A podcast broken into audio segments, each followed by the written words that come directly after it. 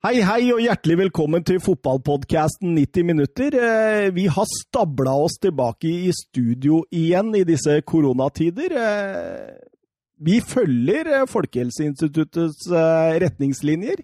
Sitter langt fra hverandre, men sitter godt, og ingen er sjuke, Mats. Det er ikke som jeg veit, i hvert fall. Nei. Så vi satser på at dette, dette går bra. Nå har vi hatt en uke ferie, så det er veldig deilig å komme i gang igjen. Ja, eh, jeg føler jo det vi, vi så litt an. Hvordan eh, ligger dette an? Er det noen av oss som er eh, dårlig? Vi har isolert oss omtrent hele gjengen her, så jeg tror dette skal gå veldig bra med disse, disse tiltakene, Søren. Ja, det tror jeg òg. Eh, tar du dette med koronagreiene, Mats? Sånn privat, eller sånn fotballmessig? Sånn, nei, først og fremst privat. Nei, det er jo selvfølgelig fryktelig kjedelig for tida. Eh, mye tid med, med, med barn og sånn. For, Ja, det er kjedelig. nei, det er for så vidt hyggelig, det. Jeg, jeg har jo ikke noe jobb heller, jeg. Så det, det blir mye lekser og sånn. Ja, ja, så får du tid til Det er ikke lekser heller, vet du. Det er skolearbeid. Ja, du lærer litt, Så da. det er klart, du får jo fornya respekt for lærere og sånne ting, men eh, Mm. Nei, det går greit. Jeg har ikke noe Jeg er ikke redd. Nei. Det er jeg ikke. Nei. Søren, du, da? Nei, det, det går greit. Det har hjemmekontor og ja. Altså prøver jeg å være litt sosial via forskjellige videochatter og sånt, så Det er Det der du er sosial. Ja, det går jo, det går jo OK, men jeg er ikke helt, eh, helt skapt for det med sosial distansering, så jeg savner egentlig veldig sånne sosiale kontakter. Jeg er så lei, jeg. Allerede. Lei hva da? Nei, Hele dette greiene med antibac og tometersregel og Du tør jo ikke å gå inn på bussen engang. Ikke det at jeg gjør det heller, jeg kjører bil til jobb, faktisk. Jeg, jeg bare jeg, jeg, jeg møter ikke folk, jeg. Men det er jo kanskje det de vil, da. Ja, det er nok meninga. Jeg tror eh, Altså, det blir jo en dugnad, dette her, og jeg får jo bare håpe at det går fort over, men jeg er eh, stygt redd for at dette kan ta litt tid, altså. Før eh, Du tror det, ja? Jeg tror det. Nå skal ikke vi sitte her og kimse og, og synse om hva som kommer til å skje, men eh, Norge har fått en eh, smell.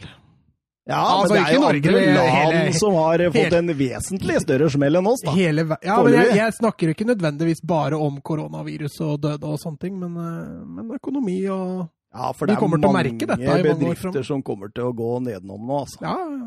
Det er det, altså. Ringvirkningene kommer vi til å kjenne på i mange år framover i tid. Ja, så får vi se når fotballen kommer i gang igjen. Det er jo et enormt vakuum, altså. Ja, hva tenker Altså, dere om dette? Tenker utenom fotball, eller Hvis vi tenker fotballmessig, Ja. så er det Altså For alle kjempegøy å se Viasat og TV2 Sport og disse sender disse gamle kampene. Det er jo nostalgi og kjempegøy, men uh, Skulle gjerne hatt uh, den gode, gamle fotballen tilbake igjen. Altså. Og vi, Søren, vi gjør litt som vi har satt og TV2 Sport og diverse. Vi, vi går bakover i tid i denne episoden. Ja, vi blir, vi blir litt retro, men uh, oh. til, til, til og med til en tid som jeg ikke var født i engang, så det, det, Det er spen- deilig. Spennende. Veldig spennende. Jeg har lært så mye den siste uka om eh, VM i Italia 90. Det blir veldig gøy. Men, men er vi ferdige med å snakke om at Liverpool ikke tar seriegull? Nei, vet, vet, du hva? Jeg, jeg, jeg sa faktisk det til en kompis her om dagen, og han spurte meg, så sa jeg at eh, Vet du hva?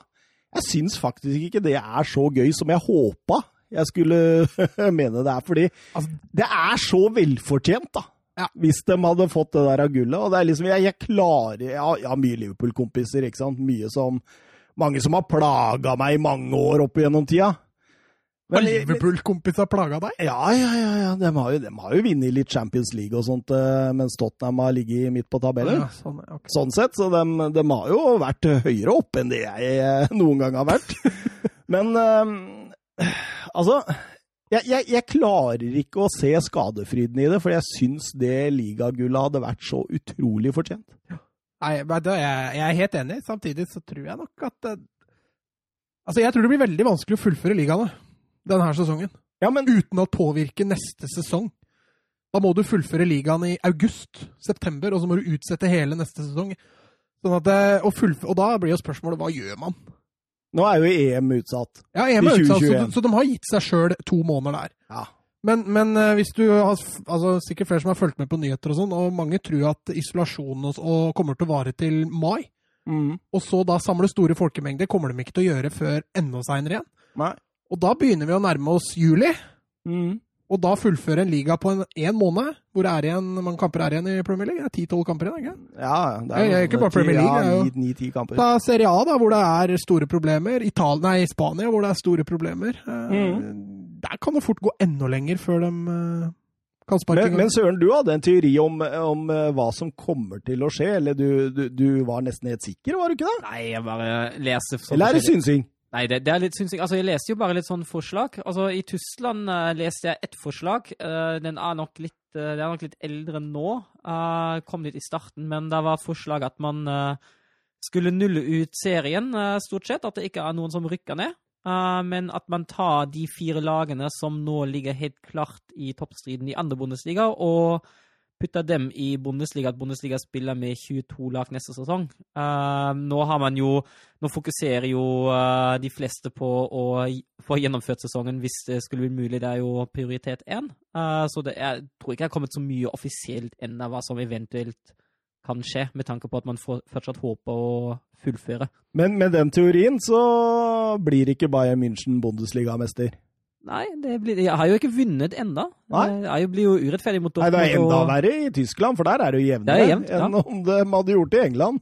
Ja, og så er det i samme Altså, jeg tenker også på, på de som spiller i divisjon under, da, som Søren sier. Altså Leeds da, i Premier League. Eh, nei, i, i Championship.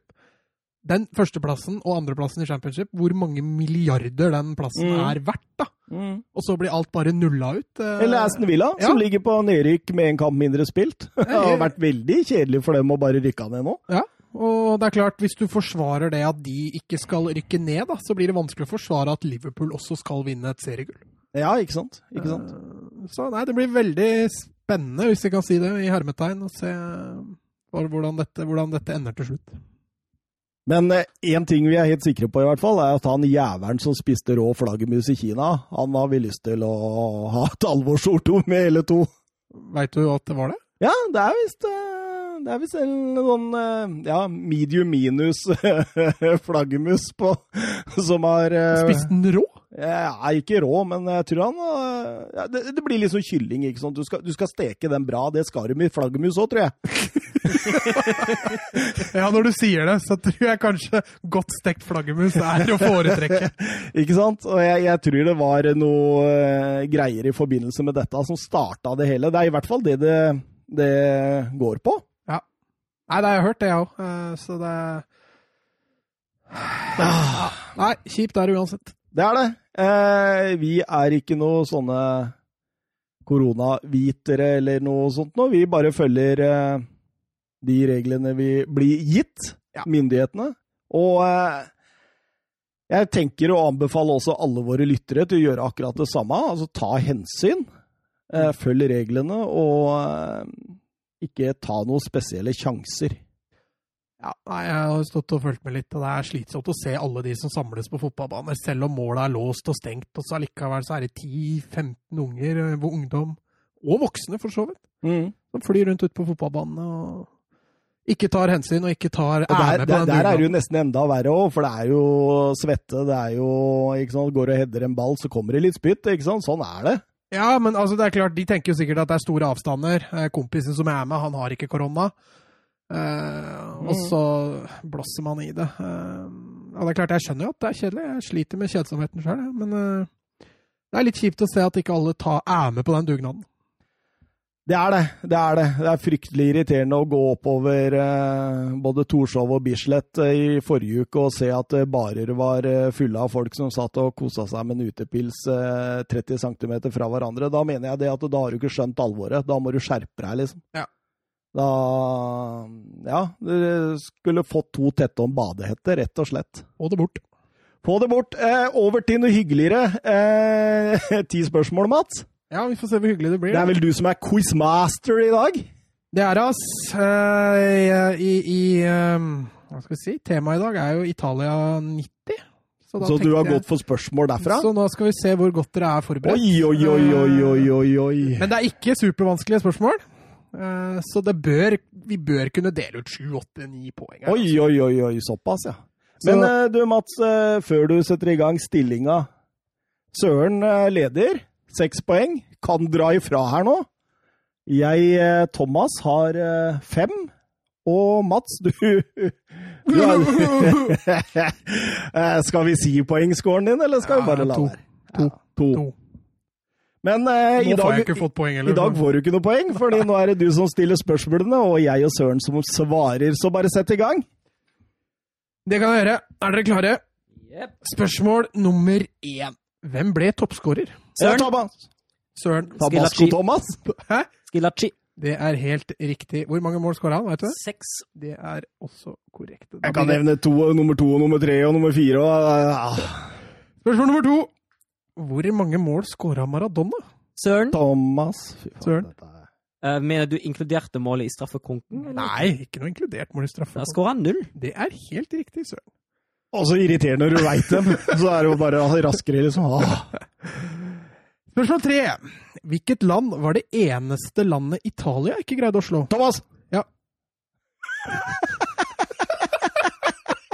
Det var Argentina. da. Det er helt riktig, Thomas. Hvem, Jeg må bare, bare rope ut her. hvem skåra turneringens mål? Oi. Kåret av Fifa, da. Ja, ja, ikke sant, ikke sant, ikke sant? Den var litt uh, tøffere. Man må jo ta en kandidater her, men uh... Jeg, jeg, jeg veit hva jeg syns var finest, så jeg sier Thomas, jeg. Ja. Jeg er Roberto Baggio. Det er helt riktig. Thomas Edvardsen. Da blei det 2-2. Du lå bakpå der, men du henta deg Altså, fint så inn. Spørsmål nummer fem. Hvem ble Englands toppskårer? Thomas. Ja. Gary Lineker. Det er helt riktig. Fire mål. Det er To straffespark. Mot Eh, Kamerun, de to. Ja, det er riktig. Da får du fire poeng for den. Spørsmål seks. Hva var Roger Millas kallenavn hjemme i Kamerun, Oi. som også etter hvert ble ganske kjent utover i verden? Den, eh, den er det ingen av dere som har sett Kongen av Gulset? Nei. Å, nei, jeg, hadde, jeg hadde hørt det før jeg så Kongen av Gulset òg, men uh, det var litt funny. Men han, han kalles ikke kongen av Gulset. Nei, han kalles ikke Men serien Kongen av Gulset!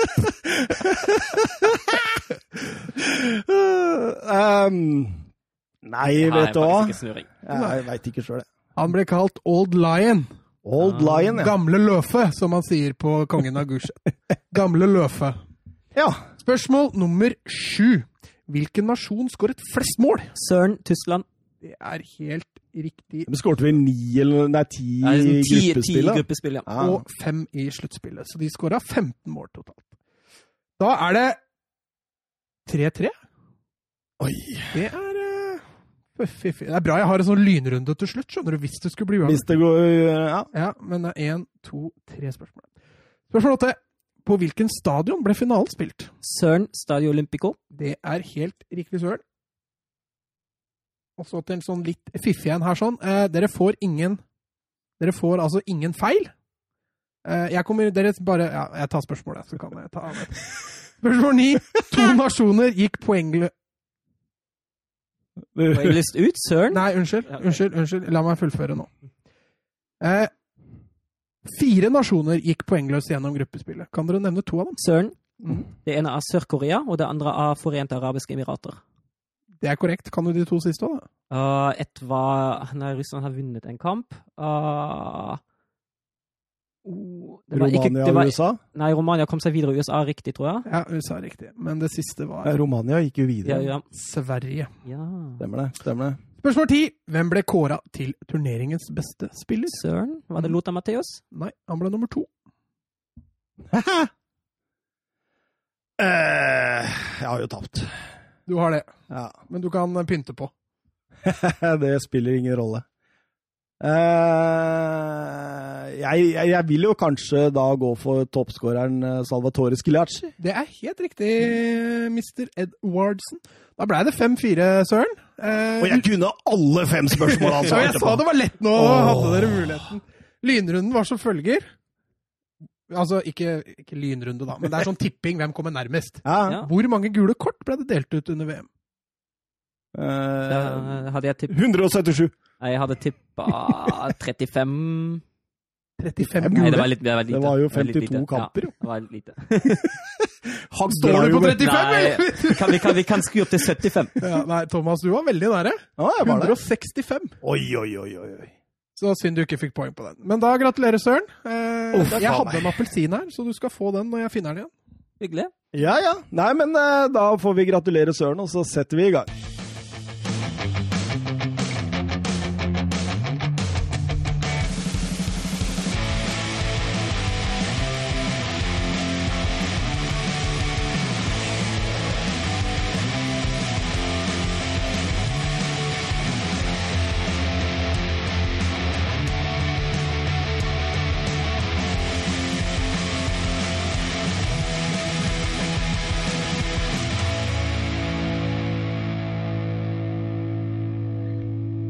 Ja, da kjører vi på, da. Vi eh, skal jo selvfølgelig til Støvlandet støvellandet og eh, VM i 1990. Det er en liten sånn spesial vi har hatt på lur. Og hvis dette går bra, kanskje vi kjører på 94, 98, 2002, 2006 osv. Enig. Ja. Eh, har dere kosa dere med, med VM i Italia 90? Ja, hva, hvem var det? Spør du meg? Nei, jeg, de, de, var de, dere er ikke en av dere, altså. ja, ja, nei, jeg, jeg, har kosa meg veldig. Eh, Det var veldig spennende å se hvordan det ble gjort da, for dette er et VM jeg ikke husker en puck fra. Jeg var fem år gammel, så jeg kunne jo egentlig ingenting. Nei. Eh, og utrolig artig å se hvordan både spill og regler og eh, alt egentlig har utvikla seg. Litt kjipt å se alle samtlige stadioner med løpebane. Ja. Det er, det er litt nedtur. Mm. Det blir for lite intimt. Men eh, bortsett fra det, så var det lærerikt og, og utrolig gøy, egentlig. Jeg Må innrømme at jeg blir forvirra av at det ikke er noe andre gule kort. I hvert fall ikke sånn synlig. At folk får, får bare rødt som regel, eh, selv om vi har hatt gult før. Det, altså, jeg husker jo den eh, kampen vi skal inn i, den eh, Kamerun mot Argentina. Og han første som ble utvist, da måtte jo inn og sjekke hadde han fått gult før nå eller ikke. Han kamerunske hadde ikke det. Ja, Den åpningskampen, ja. Ja, åpningskampen. Men Ja. andre hadde jo det, han som ble utvist der. Han, eh, ja, det kom jo først i 1991. Så det var kanskje Ja, det Også den tilbakespillsregelen, den er jo fryktelig slitsom. Ja. Det er vanskelig. altså Se hvor Argentina spesielt var bevisste på når det var igjen to-tre minutter av en omgang, hvor bevisste de var på tilbakespill. Slit, Mm. Slitsomt. Fryktelig slitsomt. Så at den regelen ble borte, det, det er fotballens vind. Altså. Men, men nå snakker dere jo regler, og, og, og det, en av de tinga jeg la mest merke til, eh, det handla ikke om reglene. Fordi eh, jeg var, var jo sånn klar over hvordan de omtrent var. Jeg var ni år på dette tidspunktet, og jeg, det er vel kanskje det VM-et jeg husker noe fra, faktisk. Altså det første VM-et. Ja, det var det som gjorde at jeg, Altså, jeg, jeg spilte jo fotball fra jeg var en fire-fem år og sånn, men så aldri noen kamper før det VM-et. Da blei jeg interessert. Jeg husker vi var på hytta i Sverige, og, og min far introduserte meg og satt og prata mye med meg om fotballen. da. Mm. Satt og prata om Paul Gascoigne, om Gary Lineker og Marco van Basten, og, og, og da blei det interessant på en annen måte. Så jeg husker det veldig Jeg husker f.eks. som niåring eh, Rudi Wøller og Frank Rijkaard-episoden. Jeg husker at jeg liksom har opplevd den live, da. Mm. Har du gjort det sjøl etterpå, eller? Lær, lærte du, eller? Jeg, har, eh, jeg, jeg, jeg, var, jeg en råtass på banen, men jeg, Ja, jeg tror heller eh, du blei spytta på. Ja. Ja, jeg Jeg spytta i hvert fall aldri. Nei, jeg, tror du var typen som grisetakla, så blei du spytta i bakhodet. det. Ja, det, det, er, det er ikke feil, det. men eh, det er i hvert fall veldig mange som har hatt lyst, tror jeg. Det kan godt hende. Men eh, ja, Italia, VM, eh, arrangerte det for andre gang. Eh, Første gang var jo i 1934. Ja, Søren har lest seg opp. Bra. Eh, ja, det, på mange måter så er det jo blitt bekalt for legendenes VM. Og mye legender. Det var mye legender. Vi har jo eh, Maradona, Van Basten, Milla. Lineker, Matheus. Gascoigne.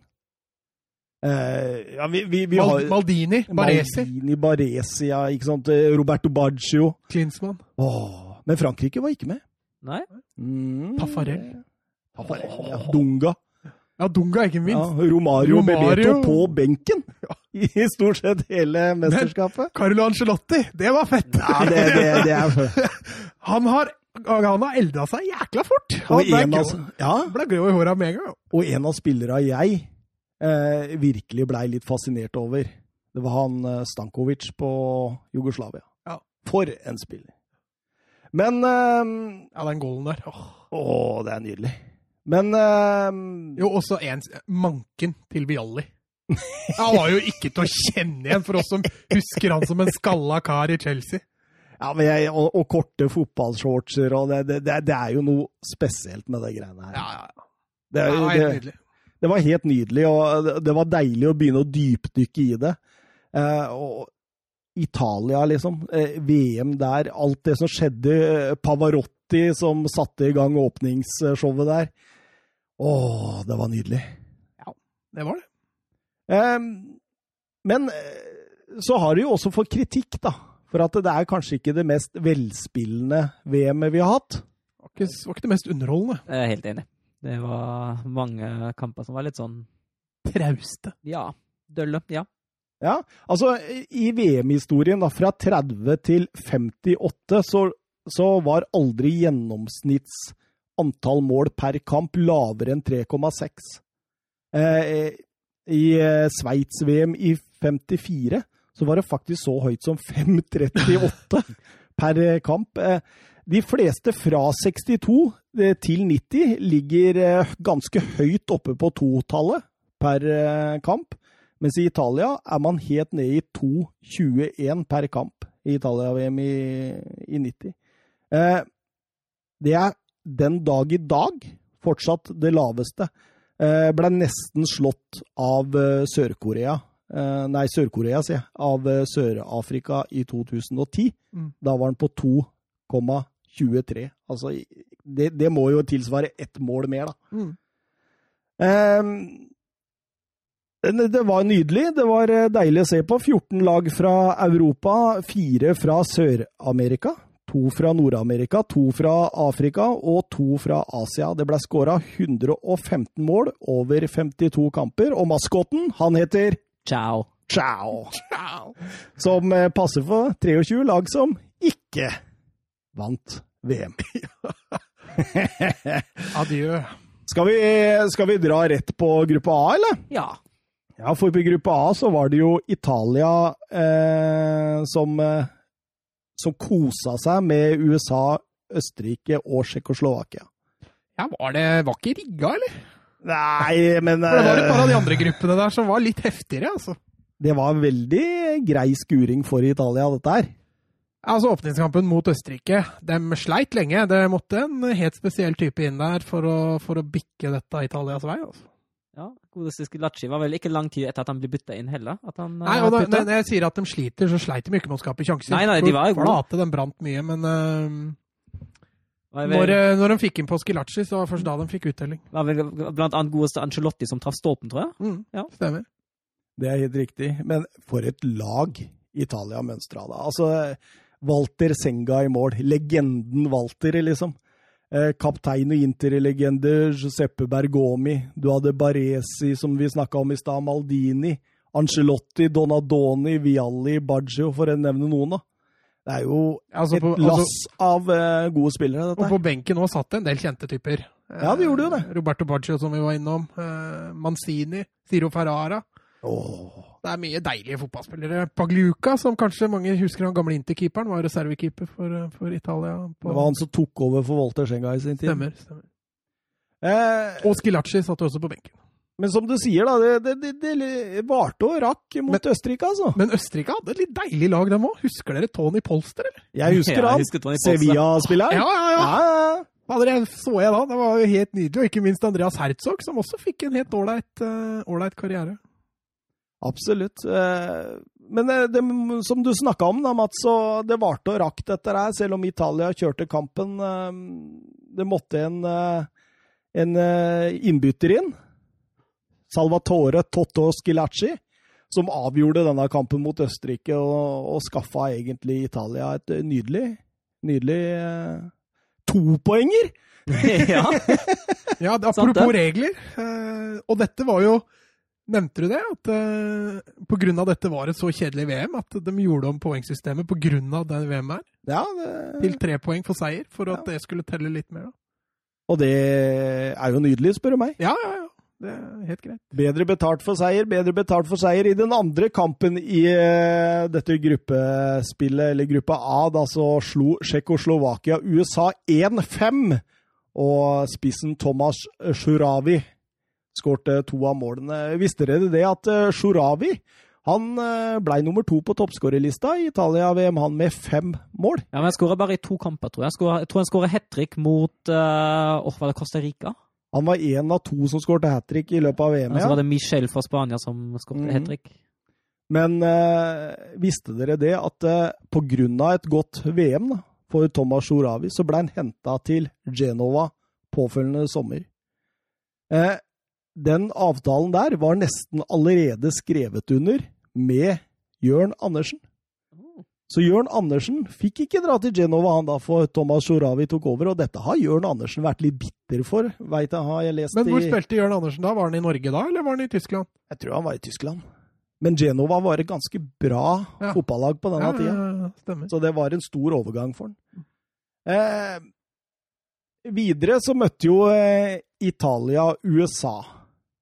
Eh, I motsetning til eh, åpningskampen her, da, så får de jo en pangstart etter 11, 11 minutter når Gianni setter eh, målet. Roma-spilleren som er sikker aleine mot Tony Meola der. Eh, kunne vel økt til 2-0 der ved Vialli, men han, eh, han missa straffespark, han. Ja, i stolpen. Ja. da cruiser jo Italia gjennom dette her. fire poeng på de to første. Ja, og også en annen regelting her er jo at uh, de beste tredjeplassene også gikk jo til, uh, til kvartfinalen. Og, og, med fire poeng da, på to seire der, så var jo Italia egentlig safe. Ja. men nok en gang så starta altså Skilacci på benken altså, i den matchen. han gjorde det. Han gjorde det. Han brukte litt tid på å bli varm. Ja, men han... Så, så et intervju av han etter, nå, i nåtid. Han, han var ikke på noen måte noe førstevalg når det VM-et begynte. Nei, Østerrike, Tsjekkoslovakia 0-1. Vi sier ikke så mye om den. Er, jeg, har ikke, jeg, har bare sett målet. Er Fryktelig tilbakespill i dag. Ja. Av uh, Feffe, tror jeg det var. Det var vel det. Ja. Eh, gjorde i hvert fall at eh, Tsjekkoslovakia vant eh, 0-1. Eh, Italia spilte da mot Tsjekkoslovakia i neste kamp. Eh, da brukte Det er en gruppefinale. Ja, Vincini, han, eh, treneren, han brukte jo egentlig eh, anledningen til å hvile litt. Mm. Eh, var ganske klar på at dette skulle gå greit, og Vialli blant annet var en av de som fikk hvile. men Skilacci, han, han fikk spille. Han fikk spille. Han starta bra. Starta første kampen han fikk starte. Og Toto, han gjør ikke skam på skam på den tilliten, for å si det sånn. Nei, han putta ganske tidlig der òg, var vel etter ti minutter eller noe sånt. Hvor han, det også var slitsomt å se kampene når de ikke hadde tid! Ja, ja du, du ser den ikke oppi der. Nei, det var ikke noe klokke, vet du. Altså, og så syns jeg den, den corner, det cornerperspektivet siden han skåret etter corner, at de bare bytta kameraperspektiv med hver corner, det, det, tok lang tid å bli vant til, altså. Det, det var litt eh, videoproblem der. Mens i den eh, da til slutt ikke-tellende siste kampen i gruppespill A, så eh, vant Østerrike 2-1. Baggio gjorde 2-0 her, da. Ja, han gjorde det. Kan jo nevne den goalen. Vi, vi, kan jo gjøre det, for det var jo en strålende goal. ja, det blei jo en jækla bra goal. var det den som blei kåra til Det er eh, helt riktig. Ja. Det blei turneringas mål, faktisk. Ja, den er nydelig. Han, eh, han gjør jo egentlig alt sjøl. Altså, han spiller en vegg tidlig eh, på midtbanen, og så setter han fart mot de to forsvarsspillere. og Så drar han dem av og setter ballen i nærmeste kryss når han er aleine med keeper der. Det er en uh, herlig soloprestasjon. Ja, og målet er jo også å bli kåra til det sjuende beste i eh, VM-historien av Fifa. Ja. I hvert fall da. det var jo en relativt ung Roberto Baggio eh, på vei opp og fram, så han, eh, han, begynte å legge et navn for seg der, altså. Ja, absolutt. Eh, tabellen da gjør jo det sånn at uh, Italia gikk uh, seirende ut av det med full pott, seks poeng. Tsjekkoslovakia fire. Tok følge med Italia. Mm. Østerrike to poeng. Hjem med dem. Og det samme med USA som Ja, Men det visste vel ikke Østerrike på det tidspunktet enda? De måtte jo håpe at uh, Ja, de måtte ja. jo håpe, men uh, to poeng det holdt vel ikke, så vidt jeg veit. De hadde vel tre, de som Ja, jeg tror det. ja. Nei, det var flere på to som gikk videre. Var det det? Eh, ja, Skottland blant annet. Eh, nei, det er flere. Nå, Skottland? Nå, nå Skottland røyk? Ja. Å ja, da er det jeg som surrer, da. Ja, jeg tror du surrer noe voldsomt. Da er det de med tre da, som gikk videre. Ja, da kan jeg surre. Jeg tror, eh, ja, tror ja, det var tre. Ja, Nei, nå, ja, jeg er enig. Vi eh, rusler da videre til gruppe B. For i gruppe B så var regjerende mester Argentina. Ja, og da skjedde det samme som skjedde sist, da de var meste, i 82. Da åpnet de VM med tap. Og så var det nå i 1990. Da møtte de Kamerun og gikk på en uh, smell. Det var, var jo Ja, det kan, det kan du si var Ja. en smell. Det var det. Ja, og Kamerun avslutta altså kampen med, med ti mann. Nei, med ni mann. Ja, Med Eh, ni mann Det var altså Den ene taklinga der er så solid, altså! på Ja, begge var vel på Kanija. Ja, ja, men begge, altså Den siste der, han kommer inn med så enorm fart. Det var, Ja, der, han får, det var der han får direkte rødt, som vi trodde. Og det, nei, det var, Jeg, jeg tror Messing fikk bare sitt andre gule. ja, For- ja, ja, men det var det jeg sier. Det var det Ja. så ut som direkte rødt. Og Ja, så bare, det- Jøss, den var litt streng! Det, det verste er jo at Messing egentlig kunne ha blitt utvist før òg. Han hadde jo en, et gult kort, og så, og så gikk, han- inn i en motspill igjen midt på andre omgang. Så tenkte jeg jøss, ble ikke det gult kort nummer to nå? Jeg ble ikke det. Men han fikk, han fikk sitt fortjente uh, andre gule, eller direkte røde, som han, uh, som han vil. uh, rett for slutt. Men det hjalp ikke Argentina noe særlig. Ja, altså, De spiller jo mot ti mann i, i 20 minutter der, eh, Argentina. Ja, og det, Eh, det står jo 0-0 når eh, Rikana Biik blir utvist. ja, det gjør det. Ja. Eh, så Kamerun skårer med en mann mindre på banen. Ja, Eh, det er vel, det er vel godeste Pompi, da, keeperen, som ikke ser sånn eh, superstrålende ut på, på den Nei, den der. der, der var svak, altså. Ja. Den var svak. Kampens eneste mål kom jo Han fikk jo ikke spille altså veldig mye etterpå heller, da. Nei, man ble jo skada Ja, ja. etter elleve minutter. Men eh, kampens eneste mål da, i eh, Argentina-Kamerun den kommer jo eh, etter skåring av Oman Biik etter 67 minutter. En dødball som blir stussa med hælen. Får jo en voldsom høyde der! Ja, det gjør det.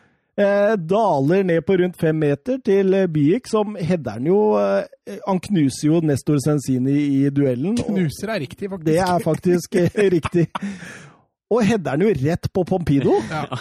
Eh, Pompido han klarer jo på en eller annen merkelig måte å surre dette inn i mål. Det var det flere som dreiv med det VM-et der. Keeperen til Skottland surra og Ja, Jim Layton, ja, det er jo en, eh, ja, han, legende. Noe, han hadde noen feite redninger òg, så han skal ha det. Men, eh, men det var noen keepertabber der som ikke du ser i nå til dags. Altså. Ja, Ballen glipper mellom hendene.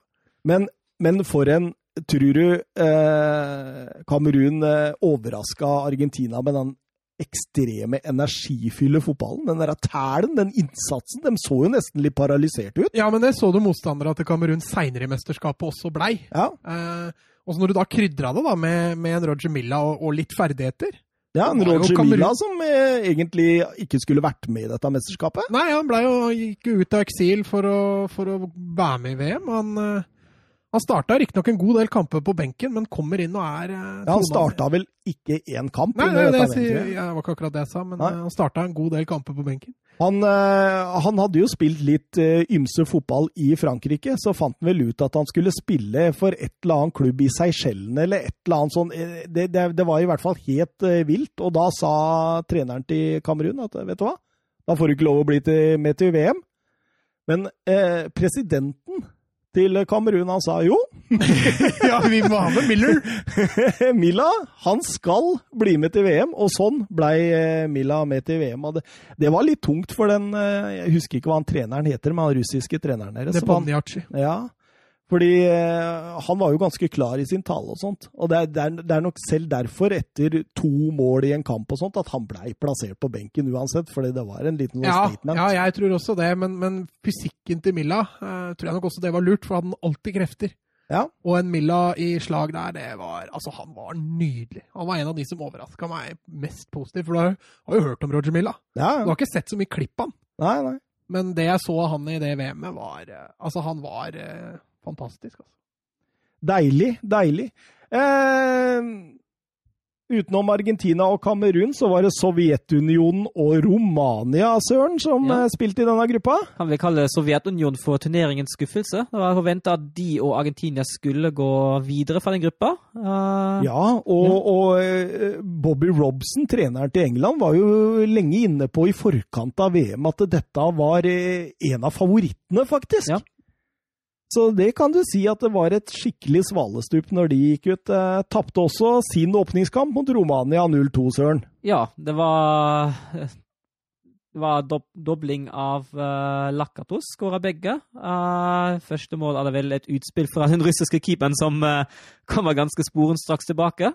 Og så har du, uh, har du 0-2 straffespark, en fin kontring av Romania, og så hadde Hensing, og så setter han straffen trykk. så fant, fant, Russland egentlig først, eller UDSSR, fant vi først til sin, til sin form i den siste kampen, men da var det for seint. Absolutt. Eh, jeg tenker også det Romania-laget. da, Der kom de til en eh, antatt vanskelig kamp uten Hagi. Han satt på benken? Ja, han var ikke helt uh, klar Frisk. for spillet ennå. Eh, og så vinner man 2-0, og man vinner det på en overbevisende måte. Og Marius Lakatus der, som eh, du nevner, som skårer to mål, Steyo Bucuresti-spilleren, som eh, rett etter VM meldte overgang til Fiorentina. Han hadde jo på Pescu og på laget. Han var ja. solid, han òg. Ja da, ja da. Seinere Tottenham og Barcelona. Ja, og, og, Dumitrescu, som mm. De fikk jo sin virkelig gjennombrudd i 94 år seinere. Ja, men Dumitrescu satt mye på benken i det VM-et, ja, da. Fikk bare noe innhopp. Han gjorde absolutt det. Eh, andre kampen til Argentina mot eh, Sovjetunionen, det blei grei skuring og 2-0.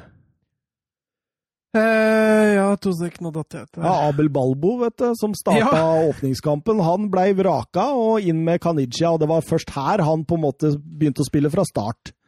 Ja, Kanija, men han hadde et uh, meget, godt, uh, meget godt VM. Uh, han, han, var solid. Han var en av to offensive bidragsytere til Argentina. De hadde jo veldig lite De var veldig flate offensivt.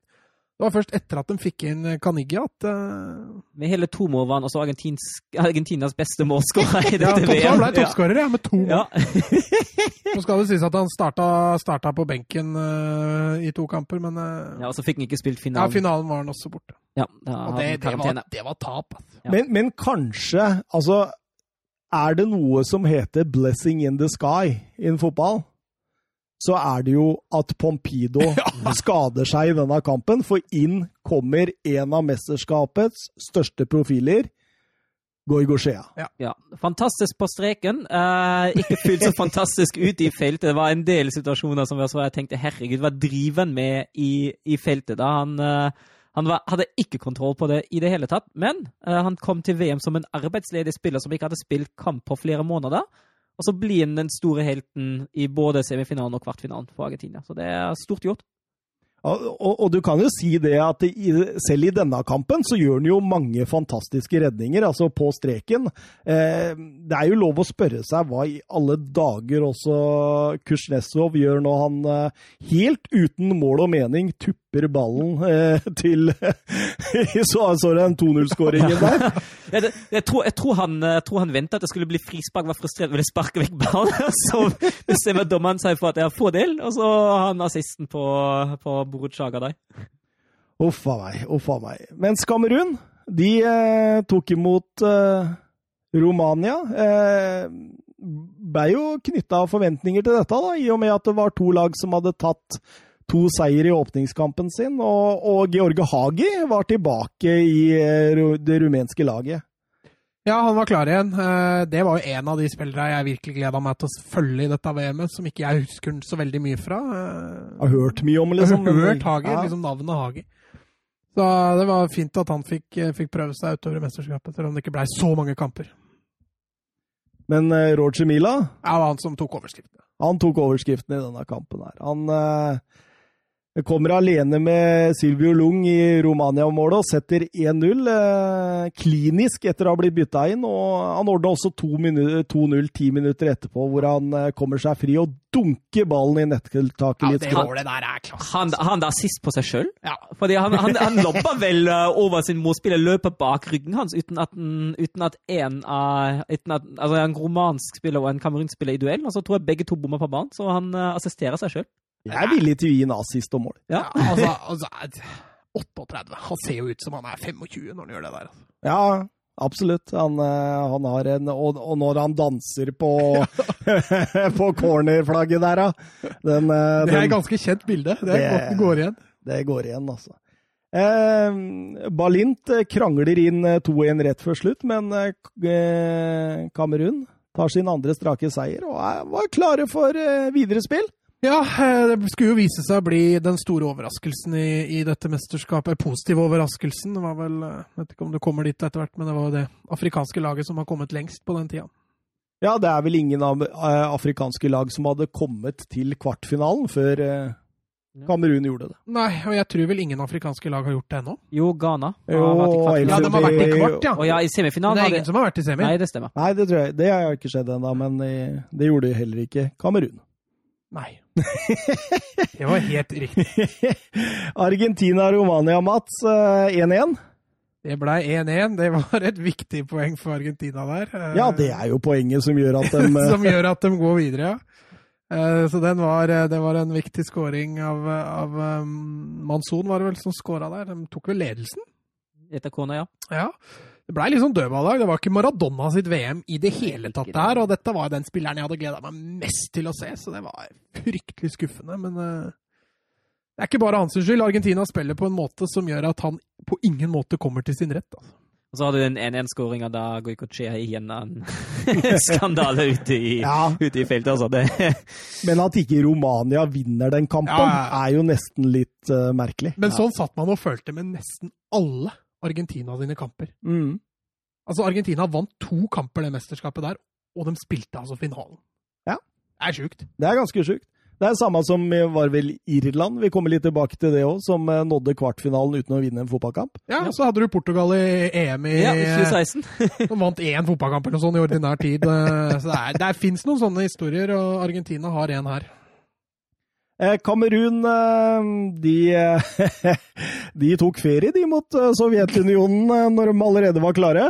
Ja, det er veldig jo. Altså, det var kanskje den ene kampen Sovjetunionen presterte som man forventa de skulle. Så... Ja, og Kamerun. ja, faktisk. Ja, for det, det, der sier du faktisk noe. Det var jo sånn man forventa Kamerun i starten, og det var jo det som gjorde at det var ekstrem moro at de tok seg videre også. Eh, Kamerun dermed da toppa gruppe B. Eh, Romania eh, nummer to med tre poeng og ett plussmål. Og eh, Argentina nummer tre med det samme som Romania. Jeg veit ikke helt hvorfor de skilte de to da. Jo, det var færre skårte mål, vel? Eller var det loddtrekning? Nei, Loddtrekning var det i gruppe F for første gang.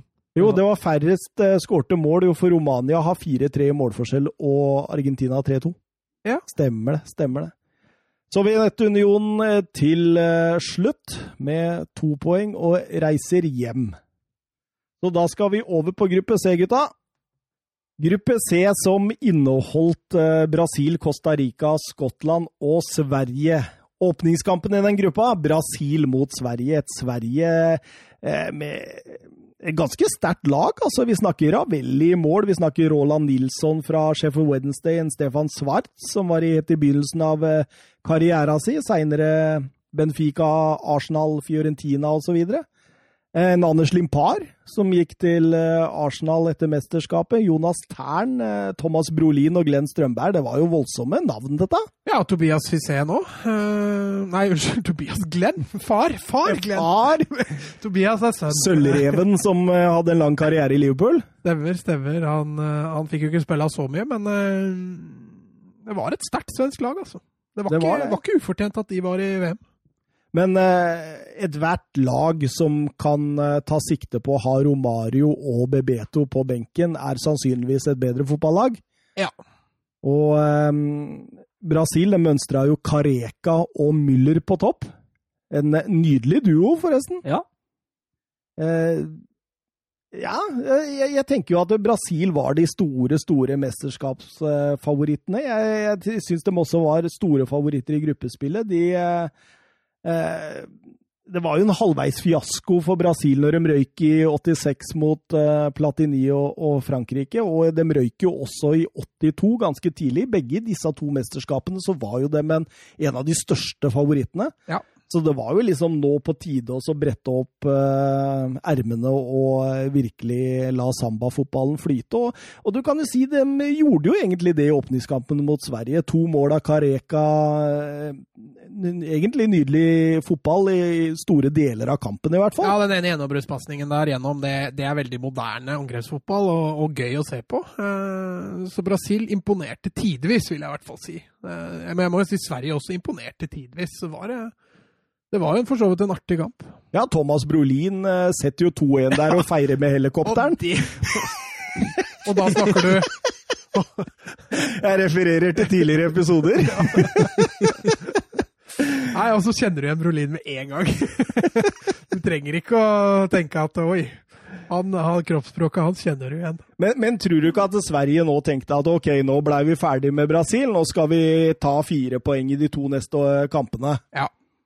Eh, for det var jo ikke noen stormakter i gruppa der. Det var jo uh, utenom Brasil, da. Det var jo Skottland og Costa Rica. Ja, Skottland var en outsider. Eh, det var ikke så mange som forventa så mye av dem, bortsett fra skottene sjøl. Jeg skjønte jo det var etter Costa Rica-kampen, hvor de hadde tapt veldig ufortjent. Så, så hadde det blitt mye omstandelse og oppstøyer i, i, innad i det skotske fansen, hooligansen. Ja. Eh, de hadde forventa mer på Skottland. De kjørte over Costa Rica i perioder. Ja. Altså, ja, det bare foran mål det ikke helt, uh, helt fungerte. Og det var da det fungerte for Costa Rica. Ja, det, berøm, uh, den hælsparket ja, der den var herlig. Altså, Tiara. Ja. ja og, og, den, den driblesoloen i forkant òg. Mm. At passing først kommer på den, det er, det er sterkt gjort. Og så vil jeg jo påstå at banens klart beste spiller var jo Costa Ricas keeper, som jeg faktisk har glemt hva heter. Men uh, han spilte en stor kamp. Han hadde en god eh, kamp, det er jeg helt enig med deg i, og det var jo også Jonejo. Jonejo. Årsaken til at uh, Skottland gikk på tap. Ja, han, han, og Johnston som uh, ikke makta å putte flere gedigne sjanser. Ally McCoy stå hadde et par, vet du. Så det Noen feite spillere. Det var Alex, Alex McLeish og ja. Det var, var Senere litt... trenerlegende, er det du?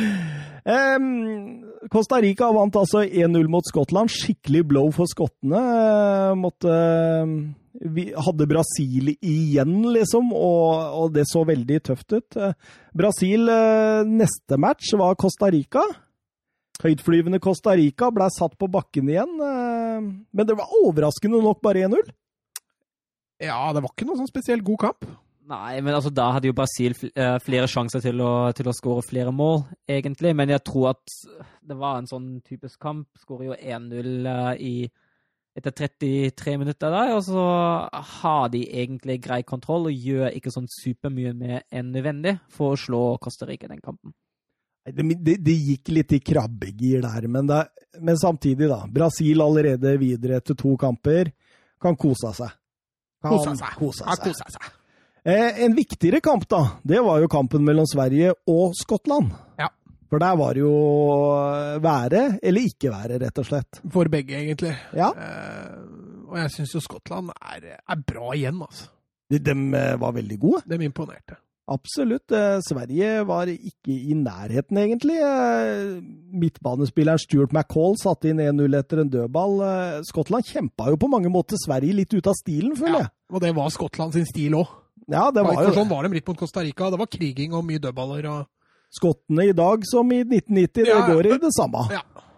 Masse kriging. Eh, Roy Atkin eh, er vel Er ikke han som setter inn eh, Setter inn 2-0? Mo Johnson. Mo Johnson er det som setter inn 2-0. Eh, før Glenn Strømberg kommer fra benken og eh, reduserer på tampen. Ja, det var også en fantastisk skåring. Altså. Nå veit jeg ikke hvem som slo den pasningen, men den lander på lissa! Altså. Ja, han kommer inn i løpet inn 16 50-60 meter. Hvis du husker den Robin van Persie-stupheadinga. Ja. Det er litt den type scoring, bortsett fra at her skyter han på volley. da. Lurer litt på om det var Roland Nilsson. Ja, det kan godt sikkert stemme. Eh, fantastisk pasning.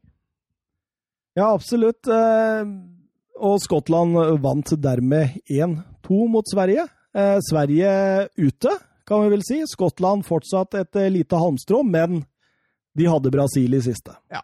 Et Brasil som allerede var videre, det, det, det, det, kan jo bikke begge veier, det sånn i fotballen, Søren? Ja, det kan det. Den Så det i 98, Søren? ja, faktisk. og jeg syns jo ikke at Skottland gjør seg bort i den kampen. De har, jo, de har jo noen muligheter, men igjen klarer de jo ikke å utnytte. Altså, Johnson må jo, uh, må jo utligne mot slutt, på slutten der. Uh, altså, men... Han spiller for så vidt bra, men han, han hadde hatt ett mål i VM, ja. som ikke var mot Sverige så hadde ja. Skottland vært videre. Ja. ja. Så, ja, altså, jeg, jeg syns egentlig det er en, uh, Skottland gjør en grei fotballkamp, men uh, brasiliansk klasse vinner til slutt 1-0. Muller igjen. Ti minutter før slutt skårer han. Leiten og det, det retur der, altså. Ja. Den kosta litt, den, altså. Den gjorde det. Ja. Eh, Skottland har jo flere gode sjanser mot slutten der. Skottlands største fiende, eh, det er effektiviteten, rett og slett. Og det blir eh, hjemreise, for eh, trener Roxbury og skottene. skottene. Kul trener. Ja, Jeg så han, noe innslag på han før mesterskapet. han er litt fin, han. Bønn er litt type. Ja. og... Det, det, er- det er sånn du må være med en sånn Ja, ja. gjeng, tenker jeg. ja. Jeg tror han var perfekt. Og så var det femte gang på rad at Skottland reiste hjem til gruppespill fra et VM i 1990. Ja. Det er ikke Det var vel ikke vært i noe særlig sluttspill etter det? Nei, jeg- Det går litt tungt med skotsk fotball for tida. Ja, gjør det. Det gjør det. Eh, Det hjalp ikke at eh, Rangers gikk eh, konkurs og ble sendt nedover i divisjonen heller. Nei, det gjorde at det ble enevelde for eh, Celtic. Eh, Siste gruppespillskampen, Sverige-Costa Rica. Da skulle man jo tro at Sverige hadde kontroll. Etter, Ja, men altså, Sverige med tremålseier der kunne tatt seg videre, vet du. Men uh, den gang ei. Med tremålsseier.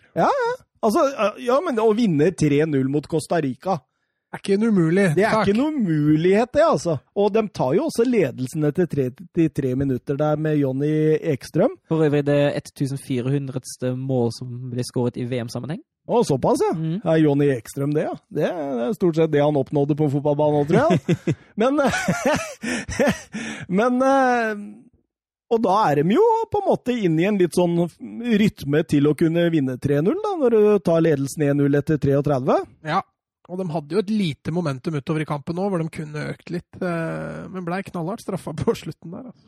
Ja, absolutt. Eh, Den ble, altså Ole Nordin, den svenske treneren, han sendte jo Etter for hvert minutt som gikk, så sendte han jo folk høyere og høyere Ja, og høyere, og høyere, og det åpna jo ekstreme rom som eh, det, Costa Rica fint utnytta. det var litt det jeg skulle fram til der, at det, var, eh, det blei for mye rom på slutten der for, for Costa Rica å boltre seg på, så selv de greide å utnytte det. Ja, eh, kaptein Roger Flores header inn 1-1 etter korridorfrispark ut høyre, og innbytter Hernan Medford eh, setter den berømte spikeren i det svenske vaffeljernet når han kommer igjennom med Ravelli der, og, og, og, og venter han rett og slett ut og setter eh, 2-1. Ja. Svenskene Adjø. ute. Adjø, ja. Eller ciao, som maskoten heter. Eh, det betyr det at eh, Brasil og Costa Rica sender vi videre fra gruppe C, mens eh, Skottland og Sverige må ta turen hjem. Gruppe D, søren. Ja, Tyskland. det er fint, det. Tyskland, Jugoslavia, Colombia og De forente arabiske emirater. Det er kult med sånne, sånne eksoter på, på VM, syns jeg. Jeg synes at det er gøy med, med lag man ikke ser til daglig, uh, som plutselig dukker opp i i Ser du ikke Emiratene til daglig? oh, nå må vi revurdere plassen hans i den podkasten her, altså. men, men, men i disse koronatider så hadde jeg nok sett Emiratene hvis det hadde gått en fotballkamp der nede, tror jeg. Jeg streama faktisk en kamp fra Qatar forrige, forrige lørdag, hva det vil. Ja, du gjorde det? Ja, Jeg gjorde det. Ja, ja. Cupkamp, eller hva det var. Men det var uten tilskuere, det også. Det var, ja. Du fikk ikke hukana på, på groundhopper-appen Nei, den, eh, den ligger litt død for tida. Men eh, Emiratene de eh, spilte åpningskampen sin mot eh, Colombia og eh, holdt en omgang før det rakna ut i annen søren. Ja, det var en, fem, tok fem minutter i andre omgang, så var det en uh, dårlig klarert corner. En, uh, ballen slås igjen i, uh, i bakrom. Så kommer det et innlegg, og så er det heading og mål.